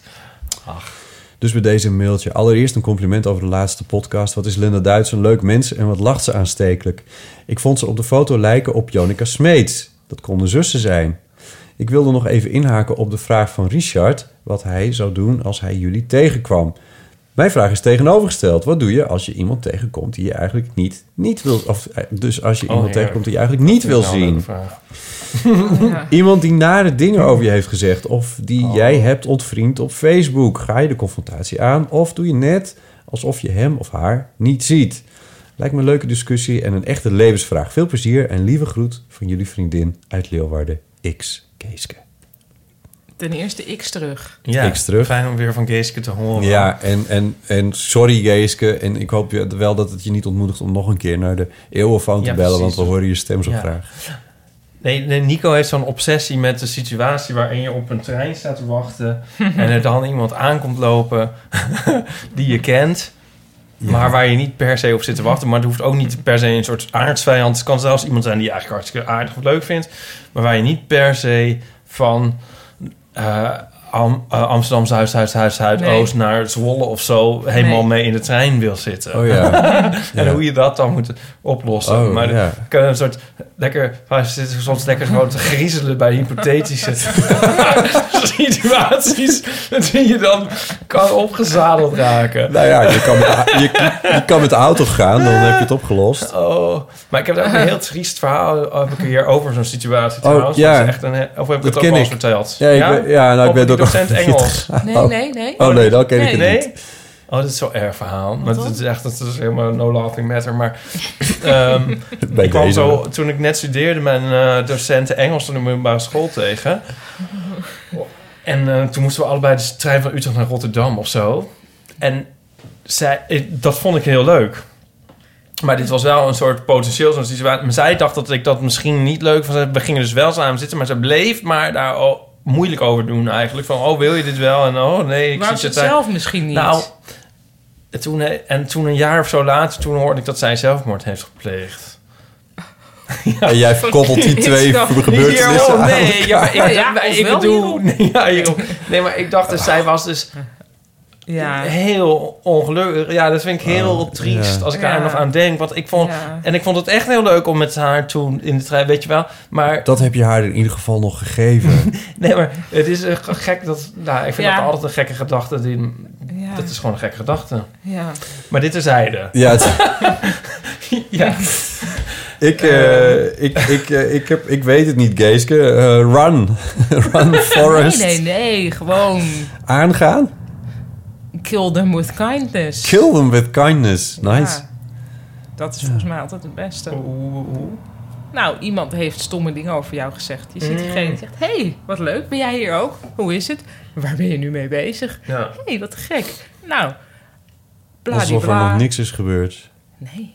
Ja. Untouchable. Untouchable. Untouchable. Zoiets zou ik zeggen. Ja. Wel eens gedaan. Wel fijn. Ja, dat, Ik heb ook ergens het beeld... Het is gek voor mij om te zeggen, omdat ik weet hoe Leeuwarden eruit ziet. Maar dat Leeuwarden dan ook groot genoeg is om, om toch dat blok om Leeuwarden te is kunnen- nooit groot genoeg. Nee. oh, vind ik. om dat blok om te kunnen lopen om zo'n persoon Ja, maar niet- nee, nee, wie is nou eigenlijk de baas van de situatie? Oh ja. Hebben ze dan nou ook de vorige keer in die podcast gehad over die... Over, ik weet niet eens meer hoe die man heet. Nou, luister dan ook eens Die man terug. van Eva Hoeken heet die Marcel van Roosma. Is Marcel Mhm. van Roosma? Ja, ja, ja. Die iets lelijks had gezegd. Nee, dat volgens mij... Ik weet niet of we dat Hebben we expliciet hebben gemaakt. In de appgroep. eh, Hebben we het, oh ja, niet, Ja. In, niet on the record. Nee, Nee. nou, maar Oh, dat, ja. dat, dat durf ik wel te doen. maar, ja, ik vond het echt heel stom. maar, ik, Gaan we het ja, uitleggen of niet? Nee, ja, weet ik niet. Maar ik dacht meer aan van... Lijkt me eigenlijk wel leuk als... Tenminste, ergens is het ook weer... Oh, leg het dan even uit. Jij wil altijd op zich ehm, strijd. Nou, het idee van strijd. Jij vindt toch altijd dat stripwereld veel Ja, meer polemieken verdient? Ja. Ja. Probeer je in de podcastwereld ook voor elkaar te krijgen. Door Ja. af en toe de mediadoktoren af, af te zijn. Goed, er is dus, er is dus vanuit, vanuit Radio 1 slash BNNVARA is er een podcast. De titel ontschiet me, maar... Ja, wacht even. Als ik over nadenk, de krokante leesmap zo. leesmap, ja. wat, wat een leuke titel was geweest als het had geallitereerd. Wat het dan niet doet. En dat nee, is, ik nou vind het ja. woord krokant sowieso heel erg. Ja, ik vind leesmap ook heel erg. Oh, echt heel erg. Ja. Oh ja, hoezo? In, de, in, de, in deze of in het algemeen? In het algemeen. Krokant. Het maakt iets wat krokant. is, is meteen vies. Nee, dat vind ik niet. Dat kan best lekker zijn, maar ik vind dat woord gewoon Maar niet oké. Heb jij een soort misofoon... Ja, het is en bij? misofoon. En ik vind het heel... Ja, wat vind ik het krokant? Krokant. Cringy. Nee, ja, alsof... Alsof je iets verkocht wordt door iemand Oh ja. die er niet echt iets van weet. ja, zoals iets en van, nou, het is het lekker krokant. nee. sprankelend in nou, die categorie. zoiets. Ja, in de categorie sprankelend. Ja. Oh ja, we, voor, de, voor de ex van mijn zus zei altijd, van als, had altijd een hekel aan het woord fris. En dan zei hij dat betekent koud of zuur. Nou moet ik even Oh. denken. Maar dit terzijde. Oh ja. Nee, dit is iets anders. Oké, nou maar goed. krokante lezen is een Niemand super die ironisch. echt iets lekkers heeft gemaakt zegt nou en het is krokant. Nee? Probeer maar. Nee. Zo, heb jij wel eens iets dat iemand... Maar nou, hier alsjeblieft. Het is lekker krokant. Nee. ik heb dit niet zo, geloof ik. Nee, dat Oh, komt uit de reclamewereld. Nou, ja, ik, ik voel je, Pauline, ik voel Ja. je. Oh ja. Oké, dus goed. Nou, dus dat bestaat. Dat is al wonderlijk, want het is niet zo leuk. Sorry. Ik, ik ken trouwens die podcast niet, dus ik ga me even niet in deze bashing... Eh, Heb, je- in- heb je niet even... Moet je even die eerste paar Het is ook niet. Je luisteren? kan het. geru- ja. Oké, dus er is een aflevering. Het, wat is het? Het is eh Roelof de Vries. Dat is een. Die werkt bij BNNVARA. eh die ook wel op de radio is, op Radio 1, als Roelof van de redactie. Oh, dat vind ik wel leuk. Nou, dat Oh. heb ik dan iets minder. Maar, en dan is er. ehm, ja. Nou, bedankt. Echt zo. Nou goed. Thanks for sticking En, dan, en is er dan, zijn er dan nog twee? Of zijn er drie? Of Een vrouw zit een erbij. vrouw zit erbij, ja. Nou, ik- en dan... Een vrouw, mens. Ik weet even niet... Oh. Met haar naam weet ik ook niet meer. En, en Marcel van Roosmalen. Die blijkt dus een van de opiniebijdragers te zijn aan de Nieuwsbuffet. Dat Radio 1-programma van, eh eh van BNNVARA. En Is die, dat waar Dries Roelvink ook in zit? nee, dat is het programma daar Sorry, weer moet ik voor. elke keer even zeggen. Dat is de smaakmakers. Oh, dat is ook, ook zo vreselijk. Ik Is hoorde vandaag... in nog even heel godsnaam met. Radio 1 aan de Ik hoorde hand. vandaag eh, Sven Kokkelman. eh, ze was Ja, ik aan het scheren. dat is zet de ik Radio 1 presentator waar het dan in zit, ja. En eh, oh, dat was zo grappig. Over de kanon. En, eh, en, en als ze nou met... nou, dat doet er niet toe. Dus die, hij interviewde een van de Tweede Kamerlid. En die gaf antwoord... Oh ja, oh ja, echt waar? Zei Sven Kokman. Ja, ja, echt. Ja, ja, echt waar? Echt waar? Meen je dat nou? Echt waar? Dat- en tot drie keer toe. Dat is zeg maar zijn, zijn interviewtactiek. Zeg maar, zijn, zijn oh zo scherpe. Oh ja, echt waar? Oh ja? zit wel heel- Je moet het maar durven, toch? nergens Nee, het is, maar die man is echt totaal... is- Letterlijk was dit. Oh, maar je hebt een paar van die mensen die zitten op Radio 1 en ook. Ja, het is niet moet je dat nou, moet ik dat nou zeggen? Ja, ik moet, misschien moet ik is echt- dat is echt niet te geloven. Nee, nee. Ik dat is een fenomeen. Het is een, ja, maar die man, ik, ik heb het idee dat hij ook heel erg in zichzelf gelooft en dat hij allemaal mensen om Ja. zich heen hebben die heel erg in hem geloven. Dat hij, maar ik ben zo bang dat hij dus ook klasjes les geeft in hoe dat dan, hoe je dan. Oh god, en het is zo, het levert ook zo niks. Het levert, wacht even, ik moet even zeggen, van, oh. het levert niks op. En dat is eigenlijk, dat vind ik eigenlijk met mijn journalistieke hart nog het allerergste. Maar eh, levert het echt niks op? Nee, het levert niks op. Die man die heeft... Ik denk dat je dat na kan gaan, dat die man... Ja, dat is een hele rare Nou, maar manier om iemand ergens op af te... Nou ja, nieuws bijvoorbeeld. Want dat is het... Wacht. hm, Ja? Nee. Hm, nee. Maar dat, dat, want dat heeft namelijk de potentie. potentie. de potentie. De potentie heeft het. Dat het, dat, dat het, dat iets oplevert. Ja. Want eh, wie was het? Die, de grote Amerikaanse interviewer, we, die tot drie keer toe vroeg aan iemand, of eindeloos in een interview vroeg, her- de vraag herhaalde. En dat is eigenlijk het enige trucje wat Sven Kokkerman kent, door eindeloos maar te herhalen en steeds hetzelfde te vragen. Ja. En, en dat is een bekend trucje uit de journalistiek... wat iemand ooit een keer heeft toegepast... waarbij een politicus door de mand viel. Maar dat is Sven Kokkelman letterlijk nog nooit gelukt. Het is, hij is zeg maar niet Tom Cruise in A Few Good Men. Nee, nee, nee. Nou- Nou was dat een advocaat, maar ja. Ja, nee, maar, goed. ik bedoel, die, die, onder, die scherpe ondervragingstactieken... die leveren bijna nooit op dat iemand nou als het een keer doorslaat... en zegt van Nou, nee, Sven, Ja, je hebt inderdaad. gelijk. Ik, Ja. ik denk dat inderdaad niet echt. Nee. Dat is niet hoe je we dwalen wel een beetje doet. af, geloof ik, want we hadden het over... Ja, eh, we- Ja, moeten ook nog even de post Ja, we moeten Oké, Ja, Marcel van. Rosmalen die zit dus in die podcast. Het, het is eigenlijk ook weer grappig op zichzelf als het niet zo stom was. En dan zit. Vertel jij het even. Ja, ik nee, zit maar de hele ik, tijd. ik, ik dacht dus laten we het er niet langer over hebben dan hij het over mij had. En dat was maar 10 seconden. We hebben, we hebben het nog maar 10 seconden over hem. Dus- Oh ja, nee, maar goed. Hij zei dus, hij had eerst een heel lange anekdote over dat hij zijn portemonnee kwijt was geraakt in een hotelkamer of zo, weet ik veel wat. En toen ging ze de PS van de week doornemen van het Parool. En toen zei hij dan best wel een leuk tijdschrift, behalve de rubriek van... Ook alles leuk, behalve Ja, nee, behalve nog een rubriek van eh, Ja. een of andere van Nieuwkerk. Is dat de zoon van? Weet ik Ke- veel. Kees? Eh, oh ja, nee, dat is het dan niet. Nou, iemand anders van Nieuwkerk. En die flauwe fotostripjes of zo. Ik weet niet meer precies wat hij zei van Nee. die Patrice. En dan versta ik het ook net niet helemaal.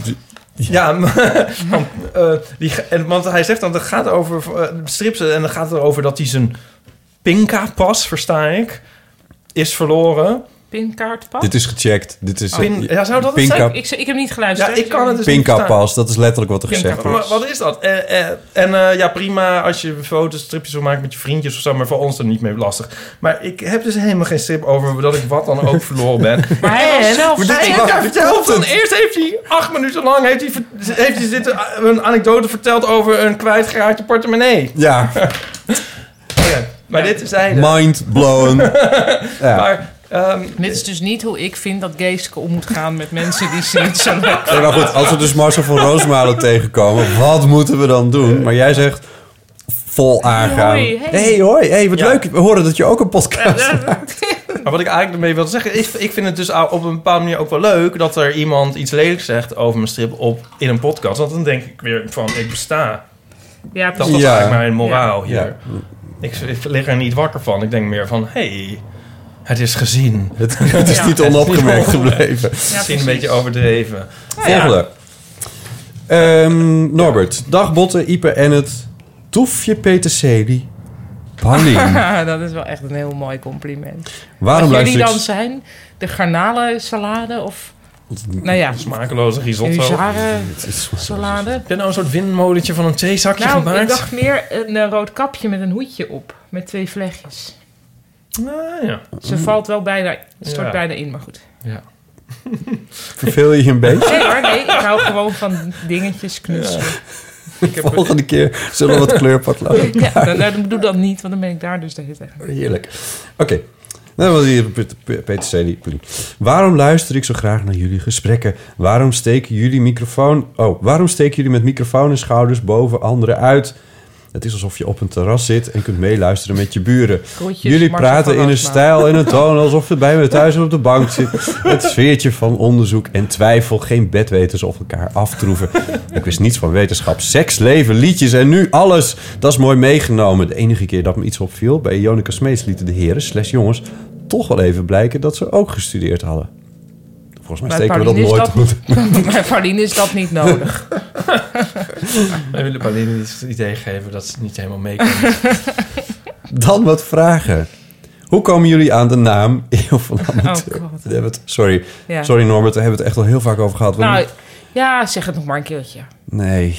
ik vind ook na een tijdje mag je die vraag niet meer stellen. Ja, vind ik wel. Ja, Nee, even- want Norbert is een nieuwe krijgt af en lezer. toe ook nog steeds zeg maar vragen van... Precies. Eh, nou, echt. Nee, je hebt gelijk. vraag. Ik ga het wel vertellen. Ja, Want er zijn ook nieuwe luisteraars, net als Norbert, Ja. en die weten het niet. En ik Ja. ga me niet, misschien niet terug naar aflevering 22, waar we het, I don't know, waar we het hebben uitgelegd. Eeuw van de Amateur is een titel wat ik, die ik ooit heb bedacht voor iets waarvan ik dacht, dan moet ik nog eens een keer iets mee. En ik heb het laatst teruggevonden, dat was al in 2012 dat ik dat bedacht.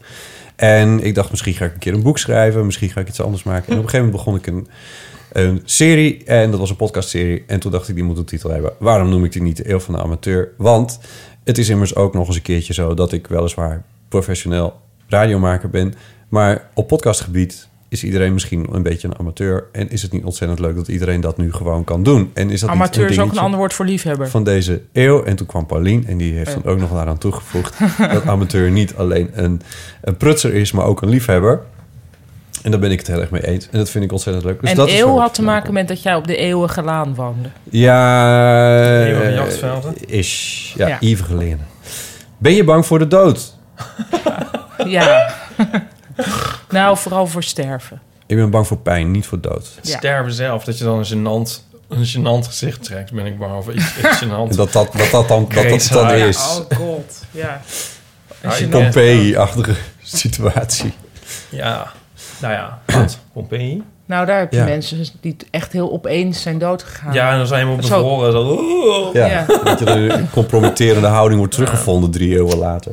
Een, een domme antwoord van Harry Mulisch denken over eh, de dood. Toch? Dat is toch Mulisch? Wat, wat? Weet ik niet. Zo van dat je daar niet bang voor hoeft te zijn. Want als je, als je het nog niet bent, dan ben je het nog niet. En als je, dan, als je het wel bent, dan weet je het niet meer. Wat een dom antwoord. Ik ben, eh, ik ben, nee, een vervelende, nare aftakeling. En dat, dat, nee, dat vind ik allemaal erg. Ja, precies. Zou je ooit iets voor iemand... Voor, zou je ooit voor iets of iemand je leven geven? En, zo ja, wat of wie zou dat zijn? Wat zijn dit voor vragen? Oh, nou, maar het is Grote- natuurlijk. Grote vragen. Jij voor je kind. Ja. Ja. Zonder enige, ja, Ja. Nou, ik voor jou. fijn. en jij dan verbotten, Ipe? Mhm. Ik heb dus net die hele Tweede Wereldoorlog-serie zitten kijken. Dat afschuwelijk Apocalypse. Waarin zo verschrikkelijk veel... Dat, dat hebben ze ook over die Eerste Wereldoorlog gedaan. Waarin zo ongelooflijk veel mensen gewoon over de kling zijn gejaagd. Eh, want ik denk van ja, daar hebben ze dus hun leven voor gegeven. Eh, die- ja, die- maar dat die- is altijd zo'n beetje een rare term eigenlijk, hè? Ja. Je leven geven. Het is Ja. op dat moment aan van... Voor, een voor iets groots, voor iets zinvols. Ja, wat zij dachten zinvol. En het was Ja, natuurlijk maar niet, het is maar... meer van, zou je een brandend huis inrennen? Misschien of zo voor deze of gene. Of, Ja, nou, nou, zoiets zou nog wel eens een keer mijn dood kunnen worden, ja. Dat denk Nou. ik wel. Niet omdat het zo heldhaftig is, maar omdat ik zo stom zou kunnen zijn om zoiets daadwerkelijk te gaan doen. Ja, kan, kan ook Ja, nuttig zijn. ja. Ja, het kan ook nuttig Mooi. zijn, ja. Ja, maar waarschijnlijk loop ik naar binnen om een. Om, een, om een op- kijk, bij mij zou het niet zijn dat ik dan een baby van een balkon red of zo... maar dat, dat, ik, dat ik probeer om mijn MacBook nog naar buiten te halen. Oh, Zoiets. dat is niet Oh, goed. ja. Nee, dat moet je niet doen. maar goed, je hebt een maar ja, dat gaat wel... Nee, dat, Ja, jij hebt natuurlijk een behoefte om dingen echt goed af te maken. ja.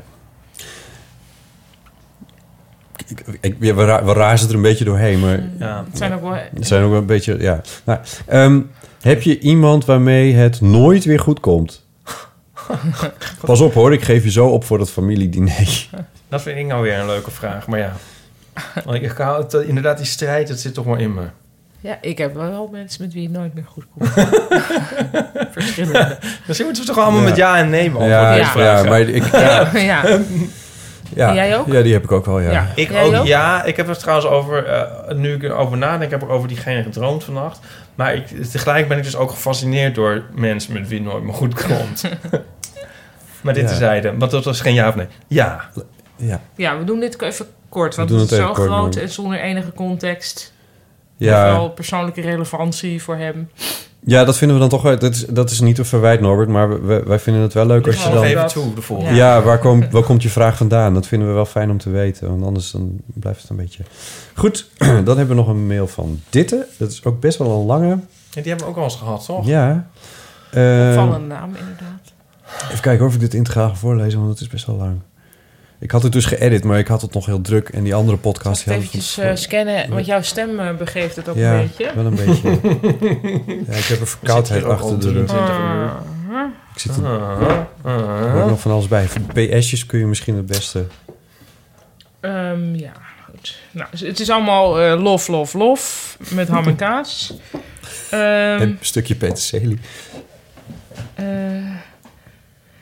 ja, ehm, ik voel me altijd aangesproken als het over jullie Facebook-likes gaat. Over de amateur- en fotostrips. Ik heb al jaren geen Facebook meer, omdat ik veel te veel berichten langs zag komen van mij onbekende, vage kennissen van mijn moeder.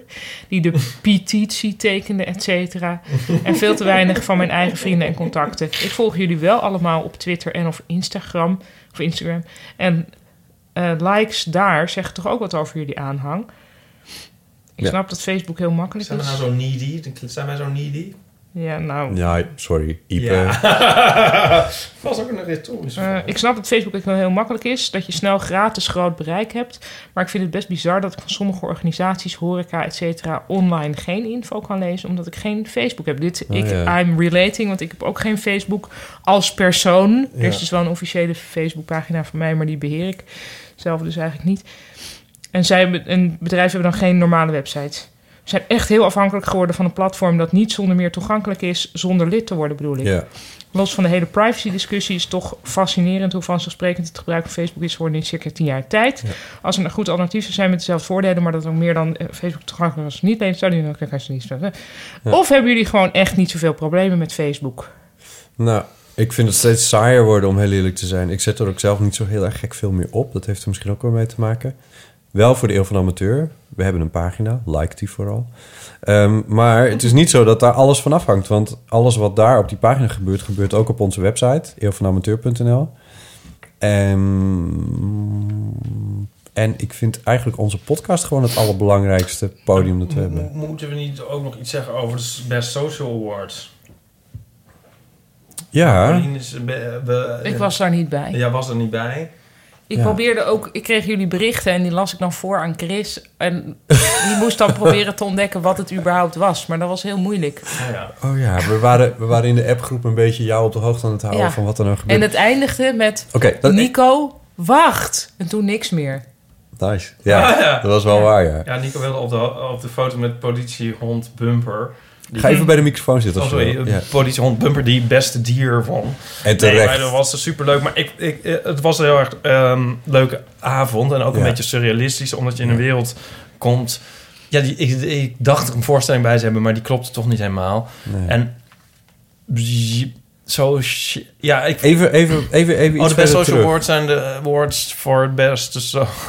ik kan, leg jij het maar uit. Ja, nou, Diederik Broekhuizen, die zit erachter. Die heeft op een gegeven Ja. moment beste social bedacht. Eh, en dat is heel groot geworden. En hij heeft een soort social media bedrijf... waarin hij andere bedrijven adviseert over sociale media. Maar ook eh, heeft hij een succesvolle Facebookpagina... en eh, Twitter-account en noem het allemaal op... waarin ze de echte leukste dingen die op sociale media gebeuren... eh, uitlichten en in, een mooi platform geven. En omdat nog extra kracht bij te zetten... heeft hij vijf jaar geleden een award bedacht. Een hele show, een hele avond. En daar komt heel nieuw media, Nederland komt daar opdraven. En dat is echt een totale andere doorsnede van de bevolking.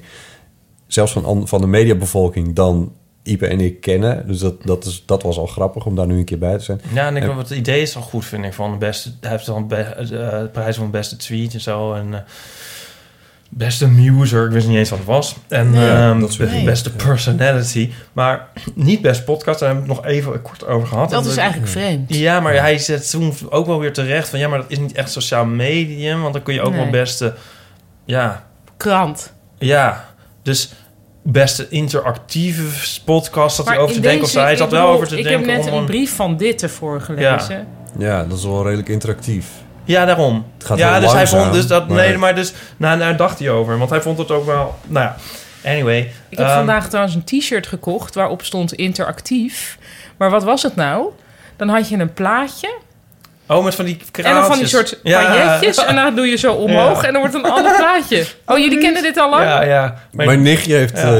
eh. Ik was echt van, Ja. waar? Ja. ja, fantastisch. En maar ook goed dat Ja. het interactief heet. Ik zag iemand met echt heel geweldig eh, in de supermarkt met een t-shirt. Influencer stond Nice. erop. Ja. Heel leuk. Maar in ieder geval dacht ik van... Je kan allemaal... Je kan... Die so- social media... Nu klink ik echt als een soort opa... Maar die gaan denk ik niet meer weg. dat dacht ik ook heel erg bij de social awards. Ja. En mensen kunnen wel van Facebook af. je kan, kan wel van Facebook af, maar Facebook kan ni- niet van ja, jungle Oh. dingen uit. Ik heb er happens? dus nooit opgezet. Maar ik Nee. zit dus pas sinds kort op Instagram. Ja. Ehm, nou, ik vind het niet mijn hele leven overnemen. Nee, dat is dus ook, nee, maar daarom. En, ik vind het niet... Ik nee, het is ook niet zo erg. Het is ook gewoon best wel leuk. Ja. Ik vind Instagram Ja. veel charmanter dan Facebook. Instagram die vraagt niks van je. Die wil niet weten hoe oud je bent. Nou, je wil wel weten hoe oud je bent omdat je 18 plus moet zijn of zo. Maar ze willen niet weten wie je, wie je zus is. Ze willen niet weten waar je woont en al die shit. Dat hoef je allemaal niet in te vullen. En Facebook die vraagt het wel voortdurend aan je. Mm. Nee, maar in Facebook geeft je wel de mogelijkheid om natuurlijk je inhoudelijker te profileren. Ja. En je kan linken. Je kan linken. Ja. Nee, maar ik, ik moet denken aan bijvoorbeeld... ehm, aan... eh, kan ik er zomaar een naam noemen? Eh, Bijvoorbeeld Pieter Voogd. Die schrijft af en toe dingetjes op Facebook... die ik dan met wel interesse lees Ja. of zo. Een kunstenaar uit Amsterdam. Ja. En die geeft dan... eh, of interessant commentaar of zo. En dat kan allemaal niet op... Nee.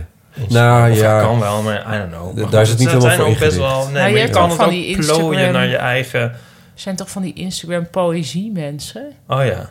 Ja, nee, dus Dat is- kan ook. wel. Nou ja, anyway, ja. Ik ben in ieder geval eigenlijk nog best wel positief over... Was dat eigenlijk de vraag? Eh, over Ja. sociale media. Ja, een beetje Ja. wel. Ja. ja, en wij willen volgend jaar, Diederik, wel toch wel even de prijs voor beste podcast. Dus roep die maar even in het leven. Ja. Nou, zij vindt eigenlijk dus dat er iets moet komen wat Facebook is... maar dan ook toegankelijk voor niet-leden. Oh ja. Ja. Ja, vind ik ook. Mm, Ja, Ja. Ja, waarom niet? Ja, ja. Dan Ja, ik denk, ik denk als je gaat googlen op dat soort dingen... Dat het, al, dat het al bezig is uitgevonden te worden. Het is misschien niet zo heel groot of zo. En het moet allemaal nog wat ontstaan. Zoals- weet je, zoals tellen als je van... Want WhatsApp is ook... Is WhatsApp van, van Facebook? Ik, vind het steeds, ik vergeet Ik het onderhand ook weer een klein beetje. Ja. Volgens mij wel. Nee, het is ook evil in ieder geval. En als je daarvan af wil, dan heb je nu Telegram. Nou, het staat ook op mijn Ja. telefoon. Niemand gebruikt het, maar het is wel... Het, maar het is er wel. In Japan... Ja, Sorry, ja. maar daar moeten we misschien ook een jingle of zo. Ja, inderdaad. Ondertussen in Japan. Daar doen ze Wacht. Oh. Dan wel iets met een pentatonische Oh, toonladder of ja, dat is zoiets. Chinees. Ja, Oh. dat is de... Ja. Japan. Japan. Eh, daar doen ze alles met line. Oh. Japan. Japan. Line. Line. Eh, dat is eigenlijk ook, en dus L-I-N-E, dus line. Zelf zeggen ze natuurlijk line. Ja, ze kunnen geen L zeggen. Maar, ehm, en dat is eigenlijk ook WhatsApp, maar dan met veel overweldigender plaatjes de hele tijd. Oh. En dat heette daar dan stickers. Oh ja. Maar dus de emoji keer 10. Ja, oh, leuk. En dan kun je ook verschillende stickers weer aankopen. En zien? ja, allerlei eh, volwassenen gebruiken ook stickers. Dat is echt gewoon helemaal ingeburgerd. Zal ik ondertussen de laatste Oh ja. post voorlezen? Ja. En zijn we er dan ook? Of hebben we nog iets Nee, nee, overgeslagen? dan, dan, eh, dan hebben, we er, hebben we er alles. Eh, dat is een brief van... Sorry, Pauline, ben je zover? Of, eh? Ja, ze zoekt ondertussen line op, Ja, plaatjes, oké. stickers. Lees ik even. Ja, ik, ik had hem ook al gelezen. Ik, wacht, zal ik Oh. eventjes deze plaatje... Wacht, ik heb geen, geen licht op mijn scherm. Dit soort dingen. Oh, leuk. Oh, gezellig. Kun je het Ja, beschrijven? ook. Ja, dus het zijn een beetje... Ja, ze bewegen soms en dan staat er Ja. iets bij. Katjes? Joroshku. Ja, dit is een beer. Die zegt dan eh, iets van dankjewel. Mensachtige beer? Ja, en eh, allemaal soorten. Hier zegt zij weer... Oké, ik weet niet eens wat dat betekent. Ja. Ehm, ja, Pandabeertjes. Oh, leuk. Oh, die is leuk. Oh. nou het is echt met, met dus heel grote kawaii. Dus schattigheidsfactor. Ja. Kijk deze. Oh, leuk. Die zegt ni, shi, shi, shi, shi, shi, shi. Dus dat is een soort giechelen. Dus hier een pandabeer die giechelt. En er staat dan ook gegiechel bij. Met een, met een groen Frans eh, hoedje op. Ja, en mijn Japanse vriendin heeft veel meer stickers dan ik. Dus ik doe elke keer iets irrelevants van een beer die achter een, een vlinder aan eh, eh, holt. En zij heeft dingen die echt Want dit eh, is pay inhoudelijk to win? zijn. Sorry, wat? Dit is pay to win. Je moet gewoon betalen voor je, voor je Nou, maatjes. er zijn gratis stickerpakketten en er zijn ook betaalde stickerpakketten. Maar stickers zijn echt super belangrijk. Dit is een fenomeen in de gamewereld. Pay to win. Op het moment dat een, eh, een game zoals Grand Theft Auto... waar je online... dat kun je eigenlijk alleen maar spelen als je er heel veel geld aan uitgeeft. Nou, het is allemaal Dus, super cute. ja. Leuk. Lime. Download dat mensen. Line kan ook je kan met elke Japaner chatten als je dat hebt gedaan. Met plaatjes, dus je hoeft de taal niet eens te kennen. Eh, ik heb eh, van Peter. Eh, ik heb de podcast ontdekt en jullie ontdekt door het artikel in Trouw. Ja, dat was ook nog dit voorjaar. Ik luister naar jullie gemeander over diverse onderwerpen van het leven in de trein of de bus. Elke keer zorgt dit voor een glimlach op mijn gezicht als ik aankom op mijn bestemming. Daarnaast stonden, gingen de rillingen over mijn rug toen je Halleluja begon op de gitaar van Jeff Buckley. Dank daarvoor. Heb ik dat in de podcast? Nou, oh ja, ik heb een soort uh, apart uh, podcastje soort, gemaakt, uh, een jaar geleden. Had je Ja. gemaakt. Wellicht een bijzondere suggestie, maar de gedachte laat me niet los. Lijkt me enorm leuk om een Eeuw van de Amateur aflevering te luisteren met Michiel Veenstra te gast. Dan kan jij het met hem hebben over alles wat met podcast te maken heeft. En Michiel en Ipe elkaar aftroepen met Pet Shop Boys anekdotes. Maar wie... wie eh, Michiel is is, eh, is, eh, is, is slash was Radio 3 DJ. Sorry Michiel als ik het nu niet... Maar ik ben niet op de hoogte van 3FM. er maar hij, daar hij, Michael, hè? Maar... Nee, Ja, Michiel. Eh, Oh, oké. Je hebt dat geëdit. Peter vindt dat hij Michael heet. Nee, Nee, er staat Michiel. Sorry. Oh, sorry. Ja, nee, Oh. dat, dat geeft niet. Oh, maar dan staat mijn, Michiel, maar eh, het is ook Michiel. later- Nee, Michiel is, is eh, Er staat inderdaad Michiel Peter. podcastmaker. Ja, hij is een podcastmaker. Oh. Enthousiast podcastmaker. En de stem van de NTR. Dus als je een mannelijke aankondiging bij, eh, op de Hè, van het nieuws eh, van Alicanten? Nee, dat is Radio Oh. 1. Oh, sorry. Ja, dat is Radio 1. Eh, nee, van de NTR. Dus van, oh, van eh, de televisie. Ja, televisieaankondigingen van eh, podium en zo. Eh, hij doet voice-over werk en, eh, en dat soort dingen. Oh. Dus je, je hoort hem denk ik vaker dan... is hij eh, ook een product van de Friese diaspora? Michiel Veenstra? Zou kunnen. Daar twijfel ik aan. Ik kan, ik, Waarom? Ja, Waarom twijfel je eraan? Om, ik kan echt niks Fries in hem bespeuren. Misschien is dit een enorme belediging voor hem. Nou, Eh, maar hij is, een, hij is een enorme podcast-enthousiasteling in ieder geval. Dus dat, dat is al wel heel erg leuk. Ehm, we gaan erover nadenken, Peter. Dat is een, eh, een leuke eh, suggestie. Ehm, dit, dit is het zo ongeveer. Waar, waar ik er nog... Er was toch nog één ding op mijn lijstje. Wat... Omdat ik, het, omdat ik van de week eh, voor het weekend... Zie jullie zitten nou allebei te Nee, sms'en? ik ben nu Michiel Veenstra aan het googelen. Ik kijk even of ik nog iets had. Ik had nog, ik had ook, ik had nog één, gra- ik had nog een grappig tekstje. Dus, eh, Hij is in nog- Almelo geboren. Oh. Dat is ook ver. Ook ver anders, ja. Hey, Doe zal, maar. zal ik nog een grappig Ja, tekstje doe doen? Ik was in het Singermuseum in Laren zondag met mijn ouders.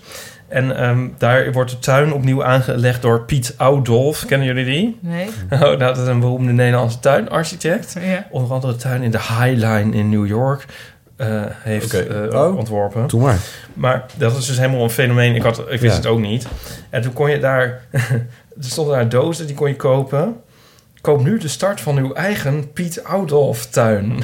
Nice. en het is dan zo'n soort, zeg maar, zo'n Hello Fresh, maar dan van een tuin. Oh. Met tuinen, met zaden en dingen en zo. En dan moet Oh. je negen, negen dozen, variërend van 20 tot 50 euro. En dan kan je, als je die, dan krijg je dan in de loop van een jaar of zo toegestuurd. En dan kan je je eigen Piet Oudolf tuin maken. En er stonden eh, een heel maar is dat met mooie planten dan? Ja, een beetje grassig allemaal. Ja, ik heb alleen Oh. maar de tekst gefotografeerd, omdat ik toen dus heel erg moest lachen. En ik wilde jullie dat eigenlijk in onze geheime WhatsApp-groep, waar we het nooit over mogen hebben in de podcast, sturen, zodat ze erom konden lachen. Maar dat ben ik vergeten. Dacht ik, dan pak ik het nu wel even bij. Want er staat er eh, van alles. Ja, het zijn favoriete planten van Piet Oudolf. Planten zijn stuk voor stuk van topkwaliteit. Door Piet geselecteerd voor minder dan de hoogste kwaliteit planten doen we het niet. Je bent er zeker dat de collectie samengesteld is uit planten die stuk voor stuk van topkwaliteit zijn. Exclusiviteit komt dan een stukje. De collecties zijn allemaal samengesteld door Piet Oudolf zelf. Met alle collecties kun je dus je eigen stukje Piet Oudolf tuin creëren. Je bent dus verzekerd van exclusiviteit. Dit is echt een enorme contradictie. Fantastisch. nou, dan was het... Ja, oh mooi. Heel mooi. Ik wou vandaag een korenbloemenplant kopen, maar dat was er niet. En ik heb dat wel gezaaid. Dat komt niet op.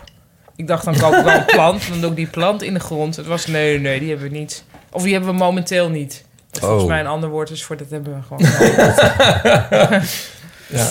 Maar waarom moet alles in dozen tot ons komen tegenwoordig? Dat vraag ik me wel een beetje af. Ja, dat, ik denk dat daar een soort, soort, soort, soort gelukzaligheid in, in zit. Dat het dan Ja, contained maar is of zo. uiteindelijk gaan wij ook in dozen. Nee, daar komt, en dit gaan wij nog meemaken, hè, dat auto's helemaal niet meer er zijn. Maar dat je gewoon in een soort hokje stapt. En, ja, ja, nee, dat is een soort auto, maar dan met een bedje erin. En dan toets je in Zuid-Frankrijk. Dan ga je slapen En op een gegeven moment ben je daar. Dan heeft iedereen alleen maar een elektrische zelfrijdende auto.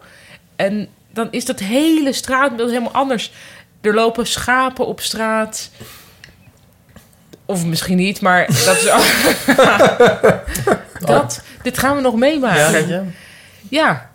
Oh, ja. Ik denk juist altijd van, we gaan nou de derde wereldoorlog meemaken en de wereld Oh. vergaat. Maar dat, Dat zou leuk ook, zijn. dat kan ook. Dat- Jij dat denkt niet dat we de zelfrijdende auto nog mee gaan maken? Ehm, ja, ik, ik Ja, ben is er bang dus dat al. dat- Nee, maar dat dat gewoon de modus operandi is. Ja, nou, dat gaan we wel meemaken. Ja, dat denk ik wel. Ja. Ja. En wanneer ongeveer? Dat duurt nog wel even. want- 30 jaar? Nou, iets langer nog. Maar ik, Kut. want het... eh, Jullie zien niet de totale Oh, maak je je zorgen dat je, niet, dat je voor niet je? redt? Ja, dan ben ik 72. Jawel, dat red je wel. En, en ik, nou, omdat het wel lukt op snelwegen en op rechte, Ja. op, op eh, grid geïnrichte eh, Amerikaanse Mm. eh, verweg Ja.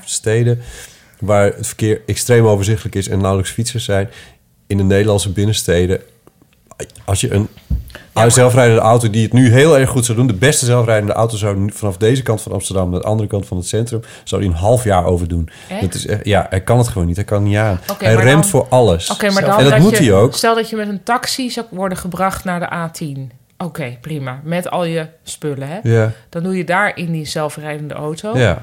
Dan toets je in Zuid-Frankrijk. Dan ga een je slapen. klein beetje als een TGV, waar je het nu over hebt. Nou ja, maar, dan zonder andere mensen. ja. Eh, ja. Ja, nou, maar dat, dat is, de snelwegen zijn dus wel overzichtelijk en te doen voor, voor eh, zelfrijdende auto's. En dat gaan we wel al op kort, dat maken we nu al mee. En Tesla kan dat al en Volvo's kunnen dit ook met de nieuwste Mercedes'en. Hmm. Maar in binnensteden rijden, dat kunnen ze gewoon niet. Ik heb liever een zelfrijdende fiets. Ik wil iets Ja, waar ik in kan slapen. Oh ja. Dat, je, je, wil, je wil overal in slapen. Ja. Niet ook, je kan Nee, maar ik moet zitten te kijken, met Chris dat vliegtuig- rijden en dan kan je toch ook in slapen? nee, want ik kan dus niet zittend slapen. Dat is ook een beetje een probleem Oh. als je naar Japan in het vliegtuig Oh, moet. Oh my God. Nee, ik kan het echt niet. En ook niet met een slaappil. Oh god. Ja, echt niet? Ik Nee. heb nog nooit een slaappil gehad in mijn leven. Ik ben heel benieuwd naar. Nou, het is een beetje overschat, vind ik. Ik wil het toch heel graag een keer hebben. Nou, nog over. Dit, dit lijkt me een haalbaar eh, levensdoel eigenlijk. Ja. Ik kan zelfs staan slapen. Dat is echt, echt heel jaloers op. Maar eh, ik denk dat de luisteraars eh, ook, eh, Ook nu weer wel genoeg Ik had nog een, ik had nog een, slaap. ik had nog een, nog een rubriek bedacht. ehm, omdat, ik, omdat ik bij een kantoorbenodigdheden een groot handel was. En dat vond ik zo'n fijne plek. Heerlijk. En toen, Daar is Japan, sorry, ook heel groot ja, in. dat geloof ik Ja. meteen. Eh, dat, dat ik, toen, toen appte ik dat aan jullie al van... dit kan echt zo rechtstreeks bijgeschreven worden in de kanon der geruststellingen. Ja, En toen dacht ik, waarom beginnen we niet een kanon der geruststellingen? ja Van vind ik een goeie. plekken en dingen. En er moet wel een goed verhaal bij zitten. Je moet Ja. wel, maar ik vind de Wel kantoorbenodigdheden, groothandel... Ja, Dat kan ik wel uitleggen waarom die erin moet. Ik Ja. ga hem er nu niet nog inzetten. Maar Nee. misschien moeten we, er, als mensen hier dingen of suggesties mensen voor hebben... moeten Kanon suggesties der. En het gaat dan om dat dingen dus toch nog wel er zijn of functioneren. Of Ja, of nou, gewoon dat je er een gerustgesteld gevoel van Dat krijgt. je- ja, ja. van een, eh, Ja, iemand die, die jou, jouw rijbewijs vindt en dan belt, is ook een soort kanon van Maar ik denk, werken met een kerger mag ook. ja, het, Een ho- het kan, ja, zo'n hoge druk Ja. spuit en dan zo dat dan... deze begrijp ik. Ja. ja, en dat het daarna schoon is. En dan... Ja. Ja, oké, niet iedereen Ja. is... Nee, nee, maar goed, je, je moet het kunnen uitleggen en waarom dat dan is. En dan kun je dat sturen naar uh, botten.eeuwvandeamateur.nl. Dat kun- moet je even via de mail doen. Of graag even einspreken. Je mag het ook niet zelf dan ook verzamelen? Ja. We moeten het zelf misschien ook verzamelen. ik het al helemaal begrijp. Het gaat dus niet dat het goede in de mensen Nou, laten we het misschien ook nog een beetje definiëren. nee, nee, nee, dat hoeft niet. Nee, nee maar oké, kijk. Dus ik, was naar de Staples op een vrijdagavond. Ik had een hysterische week gehad. En op vrijdagavond wat moest ik papier kopen of zo. I don't know, iets in die En toen, en, en nog iets, iets wat ze daar hadden. En toen ben ik daar naartoe gereden, omdat ze bleken op vrijdagavond open te zijn. En het is echt op een industrieterrein richting Utrecht. En ehm, eh, daar liepen een, een oudere man en een oudere dame. En die hielden die hele boel daar draaiende op de vrijdagavond. En ik liep tussen stellingen vol met gekleurd papier en A4 en A5 Ja. en Pennetjes. pennen in alle kleuren en potloden in alle kleuren en een schap met lijmen en, Ja. en, en ik werd daar zo het, schap het- met ik, het been. ik heb daar echt eh, Oh, wat sorry. Ja, oh, lijmen het been. Nou, Eh, ja, ja Heb je gestudeerd of zo? Ja, dit, dit bestaat Eh, er dus niet. uit- dit bestaat uit dat er in de wereld dan een soort ordening nog is. Nee, maar dat niet, of, of, of Ja, misschien- het- het gaat meer over intuïtief. mijn- Het is ja. intuïtief Nou, en intuïtief vind ik het ook wel geruststellen, maar ik zoek dan toch een rationale.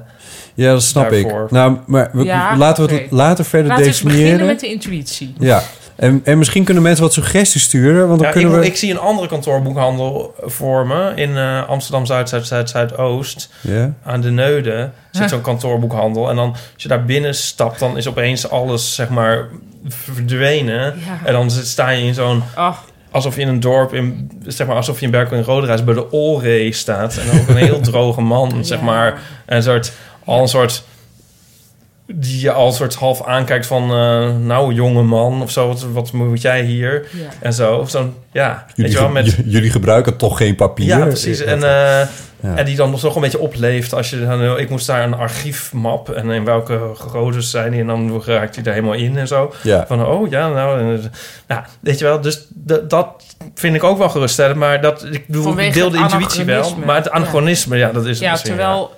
Botte, Maar ook de ordening en de de soort- geur, de ordening. Ja, nee, maar dat is... Ja, nee, dus, want- ja, ja, want er stonden daar natuurlijk- rust is op zich al een anachroni- anachronisme. Ja, rust wel, maar Ja, dit, dat wel. was het niet.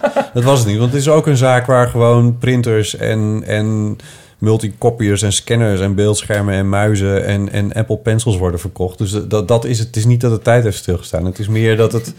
Het is meer de, de, hele, de hele kern van de zaak dat er ook een soort ordening uit... Ordening is mogelijk. Dat is wat- de ondertitel van de stapels. Ja, ja die, dat is een soort... Ja, die stapels, die naam vind ik, is mij dus niet anachronistisch ja het genoeg. was ooit Nee. Office Center, maar het is... eh, Oh, ja, het moet zijn van ehm, kantoorboekhandel, de, de Maar. Ja, nee, dan maak je het weer romantisch. Ik ga nu als laatste ding over Japan zeggen dat je bij gewoon een tankstation is dan een klein winkeltje, maar waar je dan wat te eten en te drinken kan kopen. Maar ook dat winkeltje zal een hoekje hebben met een paar kleine kantoorboekhandel benodigdheidjes en een heel klein pritstiftje en een klein doosje met kleine paperclipjes. Dat wou ik zeggen. Japan. Oké. Dat was hem voor deze keer. Eh, stuur je mailtjes naar botten.eeuwvanamateur.nl. Eh spreek onze eeuwenfounus met, uh, in met al je levenskwesties op 06 1990 68. 71. En dan ehm, nemen we het in behandeling. Je hebt, eh, je hebt wat langer in te spreken tegenwoordig. Eh, wat moeten we verder nog zeggen? Eh, luister ook terug. Andere afleveringen. Oh, we hebben nog... Oh, oh, we hebben nog... Zo, wegspanningsboog. Weggitaar. Nee, was wacht, gitaar het van gaat heel snel. Het gaat heel snel. We hebben, want het, nee, want dat beloof ik elke keer dat we dat doen. De iTunes recensies natuurlijk. Want ik wil ook dat mensen iTunes recensies. Voor, voor, Dat wordt roffel. Nurp, een goed gesprek. Dag Botte, Ipe en Paulien. Ja. Het beste van een goed gesprek is op tijd je mond kunnen houden. Daar zijn jullie erg goed in. Het wordt tijd dat ik jullie gewoon 24 uur per dag ga volgen. Ik heb begrepen dat Botte gek is op al die techspullen. Groeten Norbert. Het is een Norbert Dat is hetzelfde rijke Norbert. afleveringen. Ik weet het niet. Ehm, weer een ad 6. Niet belangrijk. Maar wel even vijf sterren. Wees weer lekker aan het luisteren naar jullie podcast. En ik wil meteen reageren. Is het niet belangrijk welke doelgroepen naar jullie luisteren? Alsof 51-jarige vrouwen allemaal hetzelfde willen horen. Ik zoek jullie op omdat ik het leuk vind om te horen wat jullie zeggen. Dus ga alsjeblieft niet bepalen wat ik als 51-jarige vrouw wil horen. Ga vooral door... Zo, ja, ooit. Eh, ga door, vooral door zoals jullie het doen. En ik vind het super. Ik vind, vind met DT. Maar, ja, anyway. Excellent features. Luisterparel, even vertragend in een snelle wereld. Vijf sterren. Luister, En nu wachten op het grote Eeuw van de Amateur zomerboek. Oh, daar hebben we het ook nog niet eens weer over gehad. Nee. kan echt niet meer Nee, dat gaan we niet meer doen. Ja. Nee, dat komt wel. Eh, King Roy Roy om uitroepteken vijf sterren. Naar mijn inmiddels toch wel verslaafde collega's. Alisa en Christel. Die noemt hij wel. En zichzelf dan heeft hij, geeft hij een andere naam. Nou ja, anyway. Ben ik om. Leuk hoor. Luistert lekker weg. En ik heb vaak behoefte om mee te praten. Maar ja, dat kan niet echt. Gewoon aanhoren dus. Heng, Hengelgo. Poe. Vijf sterren. Bijna de aflevering met Johan afgeluisterd. Bijna afgeluisterd. Wat nou, een zo heftig... van, ik ben nu bijna bij het eind. Nu moet ik echt reageren. Ja, wat een heftig gesprek is het af en toe. Ja, ik zit vol angsten. Dat was een quote uit die aflevering. En dan die ouders. Mijn moeder haar doet pijn bij het horen. Hoe Johan worstelt ja. met zichzelf. Ja, dat was was ook een wel. prachtige aflevering. Ik kan iedereen aanraden. En zijn jullie ouders daar... Of, en zijn ouders kunnen daar verdorie wel wat aan doen. Die moeten inmiddels oud genoeg zijn om wijs te zijn. Ik vond de voorstelling van Johan erg leuk en heel dapper. Nou, hartstikke mooi. Dat Stuur je dit eh, ook wel even naar Johan door? Nou nee, want dat is bij... bij I- oh, naar Johan. Ja, is toch leuk nee, natuurlijk. Johan? Ja, kijk Johan. Nou, nee. Nee hoor, nee, die moet Nee, zich Nee, sorry, ik dacht... Ik dacht dat ik dacht- nee, nee, nee, nee, je begrijpt het Ja, verkeerd. Maar ja. ja, ja, is het antwoord. Zo, zo. Dankjewel, Paulien. Dankjewel, Botte. Veel plezier in Japan. Dank je. Dankjewel, Ipe. Ja, ik weet helemaal niks meer te zeggen. Dat hoeft ook niet. Het is klaar. Peace out.